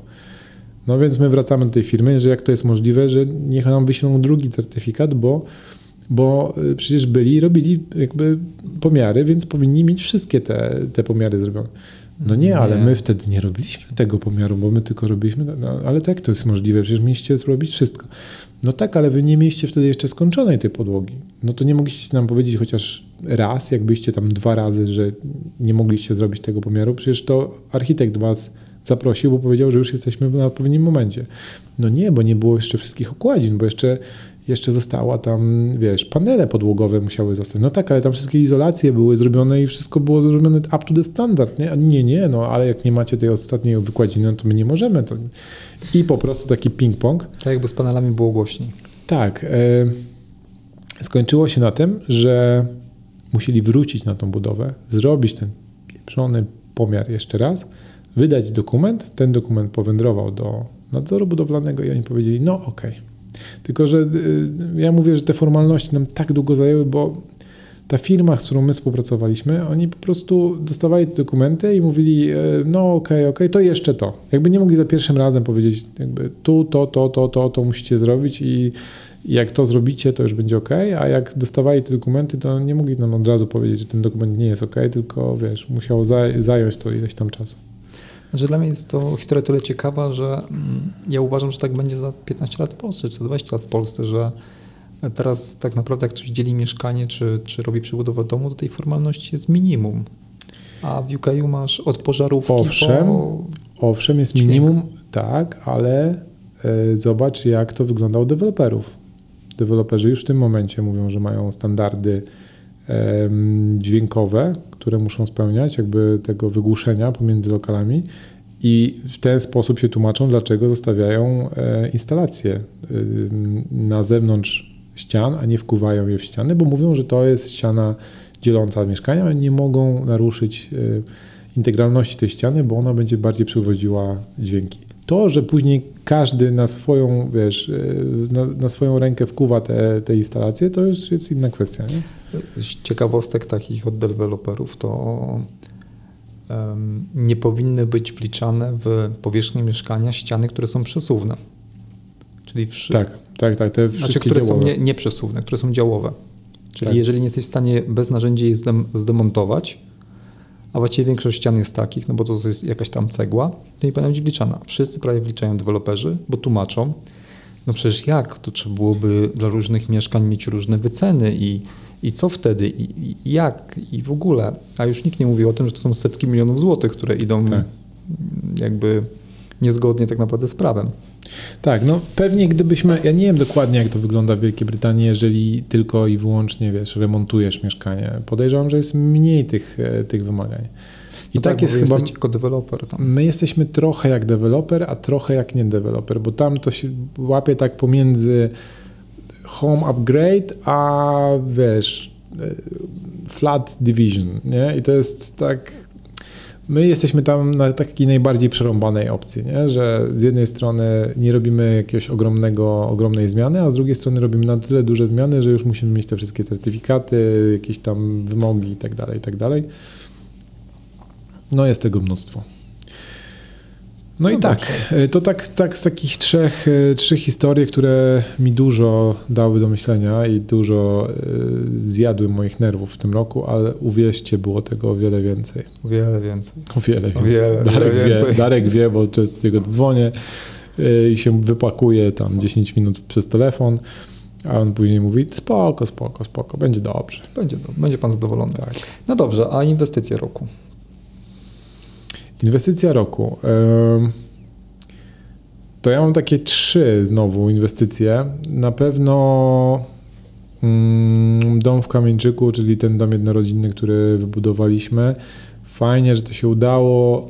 Mm, Pomimo tego, że nie będzie to pewnie jakaś super, wiesz, nie będzie to jakiś super ROI tam ekstra inwestycja pod kątem finansowym, to mega dużo się nauczyłem i, i wydaje mi się, że to będzie miało mnóstwo przełożenia na nasze kolejne projekty. Szczególnie, że mm, zrobiłem chyba pierwszy raz w życiu, że nie poszliśmy od razu na całość, wiesz, ile jesteśmy w stanie wybudować i jedziemy, tak, i będzie fajnie. Tylko teraz zrobiłem to z premedytacją, robimy jak najmniejszy projekt, żeby przetestować proces i zobaczyć, jakie rzeczy, jakie fakapy właśnie popełnimy, które, które później mogą wpłynąć na o wiele większy projekt. No, po prostu się starzeje, no mówię wprost. No właśnie tak do ciebie to niepodobne. Znając ciebie, to byś miał 5 złotych w kieszeni, budował szeregu, taką 100, 100 szeregówek. Tak, więc... tak, tak. Ale powiem ci, że na przykład e, takim ogromną um, nauką, którą wziąłem, w, um, która, która mi spłynęła przez ten projekt, to jest to, że na przykład y, jeżeli budujesz i potrzebujesz to wbudować szybko, a nie, że wolno, wolno i jakoś tam będzie, to trzeba zamówić okna o wiele szybciej niż te miejsca na okna są gotowe. I to budowlańcy muszą się dostosować do okien, a nie odwrotnie, bo wszyscy, u których będziesz zamawiał okna, to powiedzą ci, proszę przygotować nam te otwory i wtedy my przyjedziemy, pomierzymy i zamontujemy okna. Nie, nie, nie. Jak tak zrobisz, to masz od momentu wybudowania tych przestrzeni masz jeszcze 8 tygodni czekania na okna. Nie? I to po prostu u nas na przykład stanęła budowa. Przez tam prawie dwa miesiące nie było co robić, no bo stan, e, stan, e, stan surowy, czyli wszystkie ściany.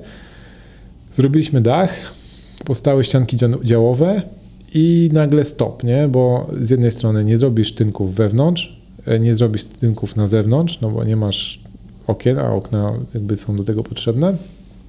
E, możesz zacząć robić instalację, ale jest ogromne ryzyko, że ktoś ci się po prostu wkradnie na tą budowę i ci wyrwie te instalacje ze ściany i, i już nic z nich nie zostanie. I to jakby słyszałem od kilku elektryków, że zastanów się, czy jest sens robić to w momencie, kiedy masz otwarte okna.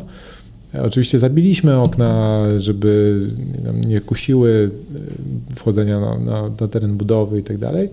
Natomiast no, przez 8 tygodni, chyba w sumie z 6 tygodni czekaliśmy, tam jeszcze coś porobiliśmy wewnątrz, jeszcze coś tam było do, do, do, zrobienia, ale z 6 tygodni nam tak spokojnie budowa stała. I to wiesz, to jest, jeżeli przy tak małej budowie mieliśmy te 6 tygodni, to jeszcze jakoś nam bardzo nie bolało, nie? Ale nie wyobrażam sobie tego, jakbym miał na przykład 20 E, mieszkań i wszystkie by czekały po prostu 6 tygodni. Podejrzewam, że to by się jakoś tam rozłożyło w czasie, bo pewnie by nie było tak, wiesz, nie, by, nie robilibyśmy wszystkiego naraz.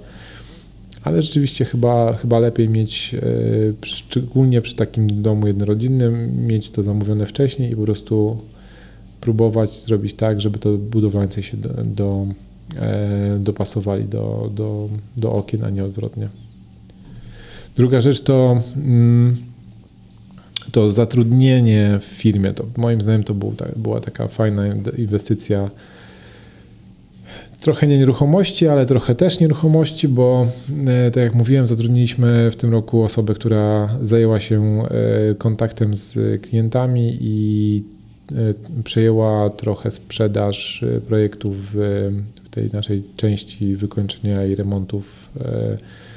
I, i to, był, to była super inwestycja, przynajmniej tak uważam, chociaż jakby jeszcze nie widać wszystkich efektów, ale już te efekty, które widać, potwierdziły mnie w przekonaniu, że pomimo tego, że bardzo długo się zwlekałem z tym, bo to jednak dość duża inwestycja właśnie, koszt dla firmy, a, jakby te, te zwroty no, dopiero się pojawią, to, to widzę jak, jak dużo mi to uwolniło czasu, który mogę wykorzystywać na jakieś inne rzeczy. I ostatnia rzecz to biuro, w którym w tym momencie siedzimy. Jak ktoś nas ogląda na YouTubie, no to wie, jak wygląda. Znaczy, może jeszcze nie wie, bo nie pokazałem tego biura dokładniej, ale, ale no jesteśmy w nowej przestrzeni. I, i, I to, że mamy własną przestrzeń jesteśmy w stanie się spotkać z klientami, z partnerami, z Tobą, Darku, na przykład, możemy sobie nagrać podcast i wreszcie nie musimy być uzależnieni od kogokolwiek i fajnie, że wiesz, że możemy sobie po prostu posiedzieć, pogadać, to... I jest kawa. I jest kawa już. to, to to była fajna, fajna inwestycja, przynajmniej dla mnie. No, bardzo ładnie to wyszło biuro. Ja pamiętam, jak ono wyglądało w naturalnym stanie. Mhm. W, życiu bym nie w życiu bym nie pomyślał, że może tak wyglądać jak teraz. Więc super. A tych, co nas nie widzieli na YouTubie, to tylko mówię, że to nie jest biuro w formie wiecie, marmury na, na, na podłogach i duże okna od podłogi do sufitu, bo jesteśmy w tym momencie w suterenie, czyli w y, takiej prawie piwnicy i, i, i zrobiliśmy to biuro bardzo industrialnie, tak trochę w, w klimacie ekipy. No, a u Ciebie jak te inwestycje w tym roku? Dobrze, to znaczy mm, zastanawiałem się, co mam powiedzieć. E, I chyba my zaczęło jednak od ziemi. To znaczy, pomimo tego, że zajęło to półtora roku i jakby sam proces nie był idealny, patrząc z perspektywy czasu, to na koniec dnia kupiłem ziemię w tym miejscu, w którym chciałem, z takim widokiem, którym chciałem. Mogę domki postawić tak, jak chciałem, e, jeżeli chodzi o usytuowanie względem stron świata. Więc suma summarum jestem zadowolony. I tak naprawdę kupiłem tą ziemię tylko dlatego, że mówiłem wszystkim, że chcę kupić ziemię w tamtym miejscu. Wszystkim. I historia była taka w ogóle, bo tam ludzie odmawiali, nikt nie chciał sprzedać ziemi. No to jest właściwie wieś, no więc tam sami rolnicy i tam normalnie są pola uprawne dookoła, więc nikt nie chciał sprzedać tej ziemi. Jeszcze komuś z Warszawy, to w ogóle tam... Ble. Ble. Fuj, ble. E, natomiast e, chyba fryzjerka tam lokalna, u której chyba moja żona była, teraz nie pamiętam dokładnie historii, powiedziała o tym, że chce kupić ziemię, a moja żona jest stamtąd, więc to jest w sumie jakaś tam rodzina po kącieli tej osoby i, on, ta osoba powiedziała, w sumie jeżeli Ewa chce kupić, no to niech zadzwoni. I nagle się okazało, że jednak można kupić tam kawałek ziemi. I w sumie to czyli mi podzieli. kupiłeś, kupiłeś coś, co było poza rynkiem. Tak, kupiłem coś, co było poza rynkiem, em, więc e, no, jestem mega zadowolony z tego. Mhm. Nie jestem zadowolony z całego procesu, który przebiegał tak chaotycznie bardzo, natomiast e, z samej ziemi jestem mega zadowolony.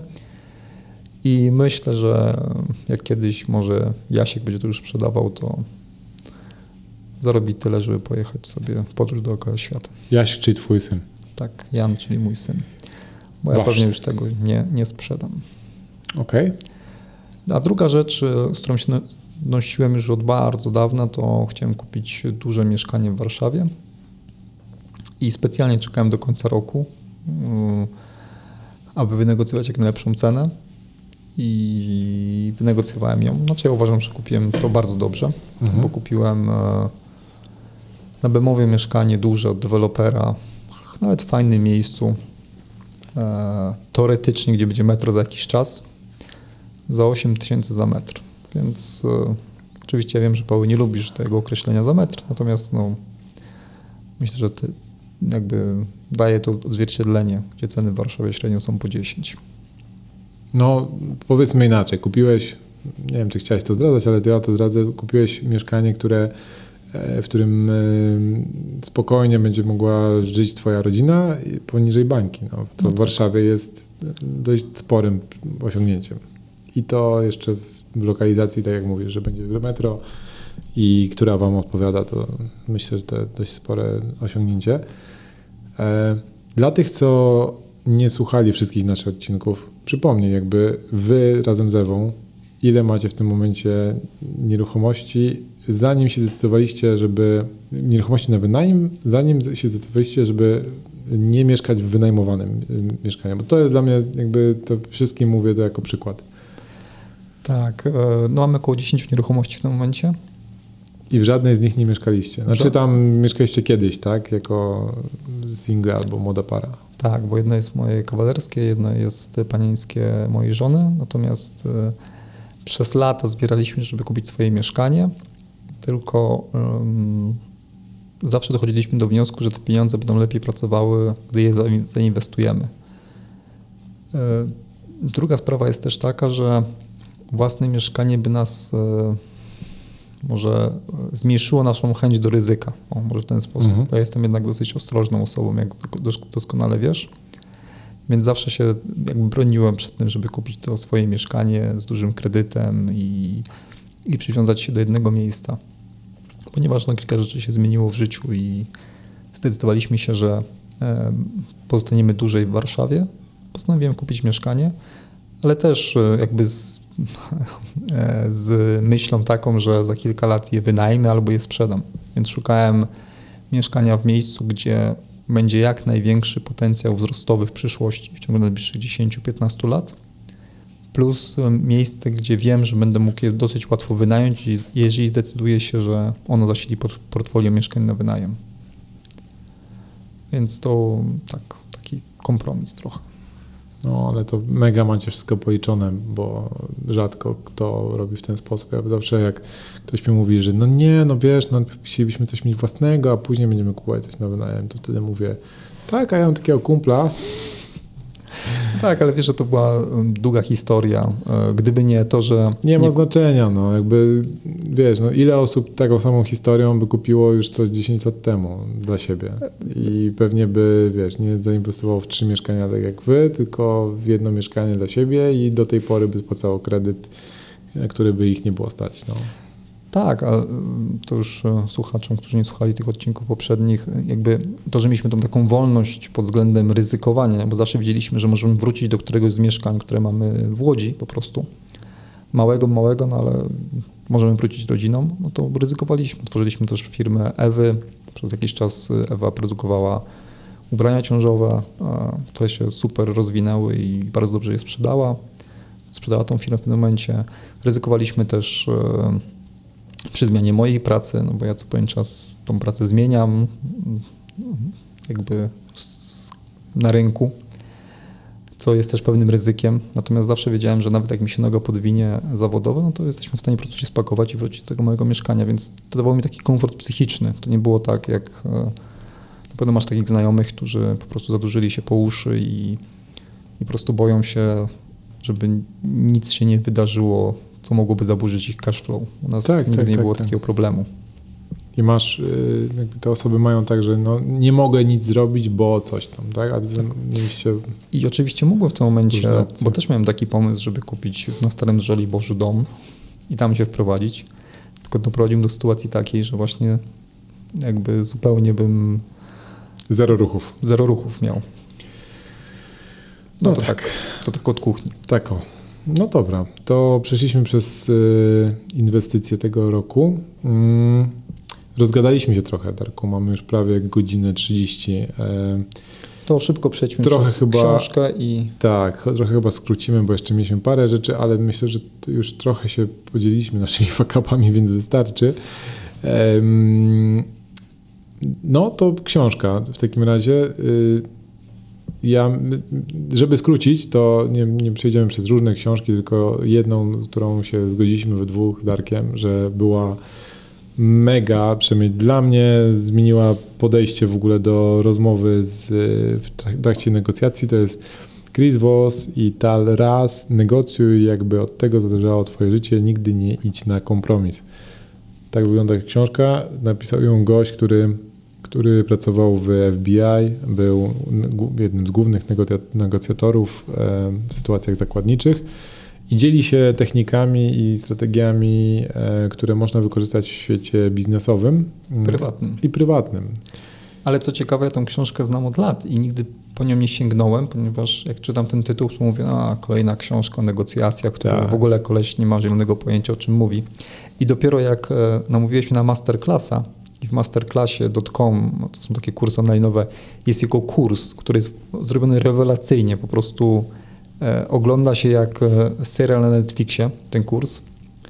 Dopiero później ja przeczytałem książkę, która mhm. też jest ja bardzo Dokładnie dobra. tak samo zrobiłem, dlatego że kurs jest po angielsku i się super słucha Chrisa, jakby jak on pokazuje różne, wiesz, gestykuluje, obniża tonację głosu. Jakby tutaj te techniki są ekstra, ale znowu jest ciężko przełożyć na polski język, tak? No bo niektóre sformułowania, które on używa, no to są amerykańskie i jakby ciężko to wprowadzić w polskie realia.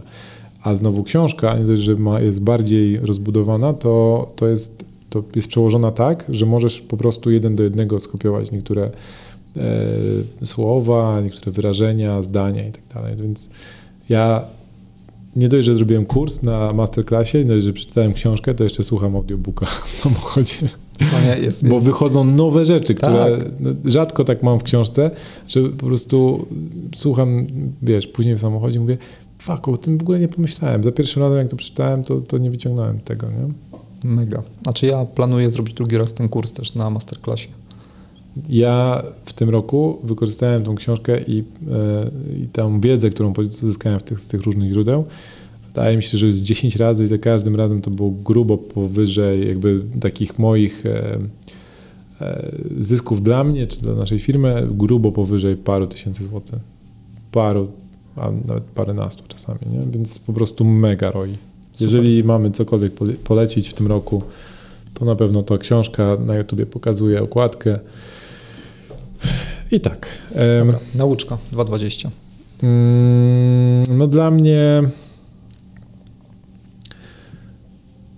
żeby wyciągać wnioski z popełnionych błędów, to chyba to, co, to, co powiedziałem o tej antykruchości, tak? Żeby nie tylko radzić sobie z tymi błędami. Jak sobie radzimy z problemami, to jest spoko, ale jak nie wyciągamy wniosków i nie wdrażamy, to nawet nie chodzi o wyciąganie wniosków, bo wyciąganie wniosków to jest co innego. To jest wdrażanie sposobów na to, żeby ten fuck up się drugi raz nie pojawił. I to jest chyba kluczowe, bo jeżeli ten, ten problem się pojawi i go zażegnacie, to jest spoko, ale jeszcze lepiej jest, jak stworzycie jakiś proces, nie wiem, procedurę, coś dopiszecie do umowy, coś, nie wiem, zrobicie coś, jakiś wymyślicie sposób na to, żeby ten, ten, ten, ten, ten problem się drugi raz nie pojawił, to, to wtedy ta porażka przemienia się naprawdę w coś cennego, co stworzyło nowe, mm, co stworzyło, ulepszyło strukturę czegoś tam. Twoją, Twojej osobowości, Twojej osoby, Twoich finansów, firmy finansów, fir strukturę firmy itd., tak itd. Tak Tyle. Nie chciałem nic Pięknie powiedziane. E, z mojej perspektywy to jest e, nieprzewidywalność rynku, mm, a dostosowanie się do rynku. Jak wiesz, ja mam dosyć dobrze poukładany, przynajmniej w mojej ocenie, cały, cały proces najmu mhm. i właściwie go nie zmieniałem. Znaczy byłem odporny na zmianę. Jeżeli ktoś na przykład nie chciał podpisać umowy na 12 miesięcy, dziękowałem. Jeżeli ktoś nie chciał podpisać umowy najmu instytucjonalnego, dziękowałem. Jak ktoś chciał zbyt ją negocjować, dziękowałem. I, I w sumie ta strategia mi się przez wiele lat sprawdzała.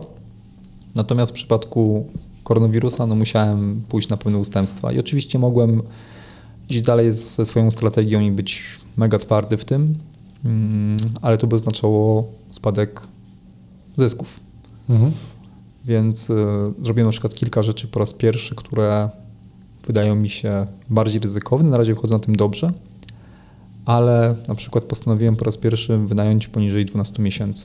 To mhm. znaczy, e, jak jak już e, oddałem to mieszkanie, znaczy inaczej, wystawiłem ogłoszenie najmu tego mieszkania, o którym mówiłem na początku odcinka, gdzie trzeba przejść przez budowę do tej kamienicy. I naprawdę trzeba przejść przez budowę.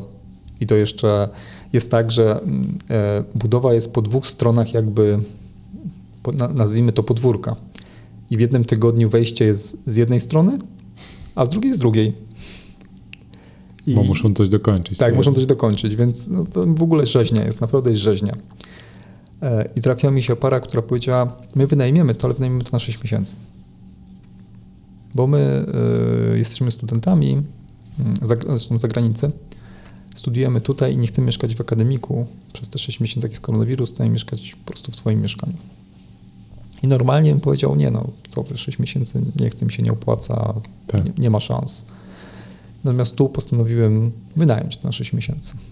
Więc y, to dla Was się wydaje mała zmiana, oczywiście dla mnie to jest rysa na moim procesie, ale y, jednak trochę naginając zasady w pewnym momencie przy nadzwyczajnych sytuacjach, myślę, że wychodzę na tym lepiej niż idąc swoim procesem cały czas. Bo gdzieś jest ta granica, kiedy no, to ryzyko trzeba, trzeba jednak e, podjąć. Więc tego się nauczyłem, że szczególnie w przypadku takich sytuacjach niesamowitych, no trzeba pomyśleć o zmianie strategii. No, no, chyba w takiej, znaczy ważne jest to, żeby mieć doświadczenie, żeby poczuć, że to jest ta sytuacja właśnie taka, która się jakby ciężko było przewidzieć i wtedy po prostu być bardzo elastycznym i to na jak najszybciej, nie? Żeby, żeby nie czekać z tym jakby, a to zaraz coś tam się, wiesz, pewnie wróci do normy. No, jak widać, minęło od tam marca już pewnie z 8 miesięcy i jak na razie to dużo do normy nie wróciło. No, szczególnie w wielu takich branżach, które zostały bardzo dotknięte, a wręcz mamy dzisiaj 22 grudnia i za 6 dni wchodzą kolejne obostrzenia i znowu zamknięcia i znowu coś tam. Ale nie gadajmy o tym koronawirusie, ani epidemii, bo to już jest tak wałkowany temat, że nie ma sensu. Y, ja bym chciał ostatni, y, ostatni, ostatnią część tego podcastu poświęcić na nasze plany na przyszły rok, bo myślę, że to jest mega fajna opcja, że możemy sobie to, do tego wrócić y, po roku, posłuchać i tak sobie porównać. No, ja niestety jeszcze nie miałem czasu, żeby sobie poplanować, nie wiem jak ty. Mm, znaczy nie spisałem tego, mam w głowie już mniej więcej, co chcę zrobić. No dobra, to podzielmy się chociaż, nie wiem, dwoma rzeczami, które chcemy zrobić przyszłym roku, tak żebyśmy mogli do tego nawiązać w kolejnym odcinku za rok. No dobrze. E, może ja zacznę w takim razie. Dawaj, dawaj. Może nie jest to jakiś bardzo ambitny plan, ale chciałbym pracować poniżej 10 godzin dziennie na etacie, a resztę czasu nie poświęcać już nie na, na nieruchomości, tylko poświęcać na rodzinę plus nie na rodzinę na rodzinę. Więc e, mam plan taki, żeby poukładać sobie swoje życie zawodowe bardziej e, i jakby mniej czasu tam spędzać, więcej czasu spędzać z rodziną. To jest jedna kwestia. Mm, druga, mam plan nie kupować żadnej nieruchomości więcej już w 2021 i już kilka osób się mnie śmieje, że to na pewno się nie wydarzy. Natomiast mam takie mocne, mocne postanowienie, że tego nie zrobię. Eee, I tyle. Ej, to jest ciekawe, co? Jakby mieć odwrotne założenie niż większość ludzi, albo większość ludzi może przypuszczać, że będziesz miał. Czyli nie, że kolejna nieruchomość, tylko właśnie w tym roku nie kupię nic i się skupię na czymś innym. Super. Super. Um, jak tak sobie myślę odnośnie moich planów, no to mm, z punktu widzenia takiego biznesowego, to znowu wrócę do tych projektów takich, które ja nazywam quasi pasywnych, czyli takich, które raz zaangażuję czas i później przynoszą więcej dochodu i to jest jedna z takich rzeczy, to jest ta deweloperka. Pomimo tego, że może się wydawać, że to jest taka jednorazowy strzał, który później, wiesz, no budujesz coś, tam planujesz, budujesz, sprzedajesz, zapominasz. Taki flip, tylko że, tylko że jakby dłużej trwa i bardziej skomplikowany i może wymaga trochę więcej kasy. Ale ja tą deweloperkę trochę na podstawie tego, co dowiedziałem się od Jarka Gulewskiego, chcę wejść w ten sposób, że budujemy na przykład 8 mieszkań, 7 z nich sprzedajemy i naszą marżą jest ósme mieszkanie, które wynajmujemy. I ten wynajem będzie długoterminowy, w sensie nie będę tego mieszkania trzymał po to, żeby za chwilę go sprzedać, tylko będę trzymał go po to, żeby ono zarabiało kasę co roku, coś tam, żeby wpadało. I później zajmujemy się kolejnym projektem, znowu na przykład 8 mieszkań, 10 czy 12, czy 15 czy 20, ile się da tak naprawdę. I znowu budujemy, spędzamy bardzo dużo czasu, energii, kasy na tym projekcie, ale później nam zostaje coś, co możemy wykorzystać przez kilka lat. Więc to taki chyba główny plan. Jeszcze nie planowałem tak bardzo intensywnie firmowych jakichś tam celów na przyszły rok. A z osobistych planów, takich, którymi mógłbym się podzielić, bo to też jest dość ciężkie, dużo rzeczy jest takich bardzo prywatnych. Muszę się zastanowić, czy jest coś takiego. No nie, nie będę teraz rzeźbił na, na, ten, na, na, na antenie. Chyba tyle. Myśleliśmy w tym roku o tym, żeby trochę pójść właśnie w, twoją, e, w Twoim kierunku, jeżeli chodzi o e, mieszkanie, czyli jakby zamienić mieszkanie, w którym, e, które, które jest naszą własnością, na mieszkanie wynajmowane. Czyli po prostu skorzystać na tym, że może być tak, że ludzie mają problemy z wynajmowaniem dużych mieszkań, wynegocjować lepsze warunki, już nie mówię o cenie, ale na przykład możliwości wyremontowania tego po swojemu i wynajmować na długi termin mieszkanie, które będzie większe i skorzystać e, na tym. Więc może to byłby taki fajny projekt powiązany nieruchomości, powiązaniem nieruchomości z prywatnymi jakimiś tam planami, żeby zwiększyć przestrzeń. Nie wiem, czy to przyszły rok będzie akurat do tego dobry. Myślałem, że dość e, szybko nieruchomości, mm, te, te zawirowania na rynku nieruchomości wpłyną na to, że, że takie nieruchomości będą się pojawiać. Jak na razie to nie widzę tego jakoś tak bardzo super, dużo tych nieruchomości, no ale zobaczymy. Więc a to jest może coś takiego. Niesamowite, co, że jakby ceny cały czas rosną. Mhm. I każdy wieści, że tam będą spadały, natomiast kurde nie chcą spadać. Ale to tam historia na inny odcinek może. No ale jak patrzyłem na, wiesz, na wykres, to jesteśmy delikatnie powyżej cen nominalnych 2007 roku, więc no, tam może 10% jesteśmy wyżej, a wiesz, minęło kurczę ponad, e, ponad 10 lat, więc wartość ta nabywcza pieniądza zwiększyła się moim zdaniem dwukrotnie, tak, a nieruchomości wcale dwukrotnie nie podróżały od 2007 roku. Fakt wtedy był, wiesz, mega hype i pik i w ogóle Unia Europejska i wszystko, wszystko. E, w kredyty we frankach i tak dalej, i tak dalej, ale no cóż, jakby mm, chyba nie ma co patrzeć na to, ile kosztują nieruchomości, tylko czy nas na nie stać i czy one będą się spinały i tyle, i robić swoje. Dobra, czyli ty bardziej pasywnie w 2021. Ja nie kupuję niczego i spędzam czas z rodziną. E... I zobaczymy, co tak, będzie za rok. Tak, tak. I zobaczymy, co będzie za rok. Drodzy słuchacze, przepraszamy Was najmocniej, że, że to trwało aż tyle, ale no, taki był pomysł na ten, na ten odcinek. Tak, i dawno nie nagrywaliśmy sami w ogóle, tak sami sami. Tak, więc tak. pewnie trzeba było się wygadać trochę. Właśnie, może potrzebujemy więcej odcinków w przyszłym roku sami. Może, może to jest postanowienie.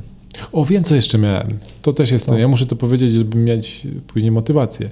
Chciałbym więcej nagrywać odcinków, znaczy więcej nagrywać filmików na YouTubie. E, i jeszcze trochę bardziej, żeby ten YouTube e, więcej jakby był bardziej popularny, czy coś w tym stylu. No, żeby ten kanał na YouTube żył trochę lepszym życiem niż w tym momencie żyje.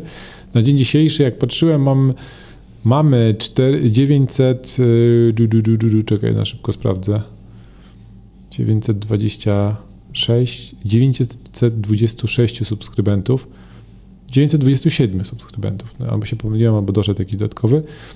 E, a miałem takie założenie, żeby to było chociaż tysiąc w tym roku. No jeszcze jest parę dni, ale nie sądzę, żebyśmy dobili tej, tej magicznej liczby.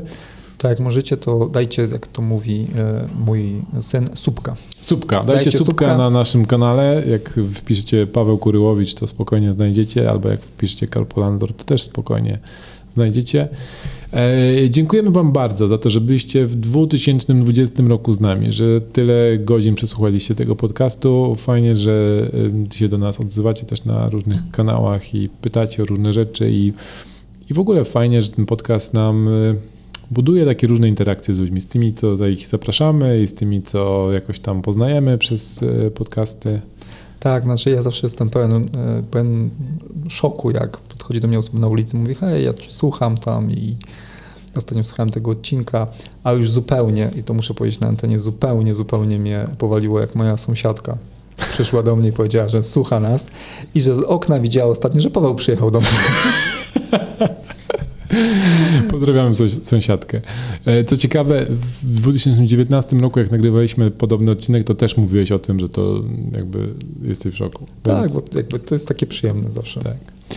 Jeszcze raz dziękujemy i jesteśmy w kontakcie. Trzymajcie się wszyscy, wszystkie samych takich udanych inwestycji w 2021 i myślę, że spokojnie można powiedzieć, że ten 2021 był o wiele lepszy niż 2020 dla wszystkich pod każdym względem. Trzymajcie się w zdrowiu.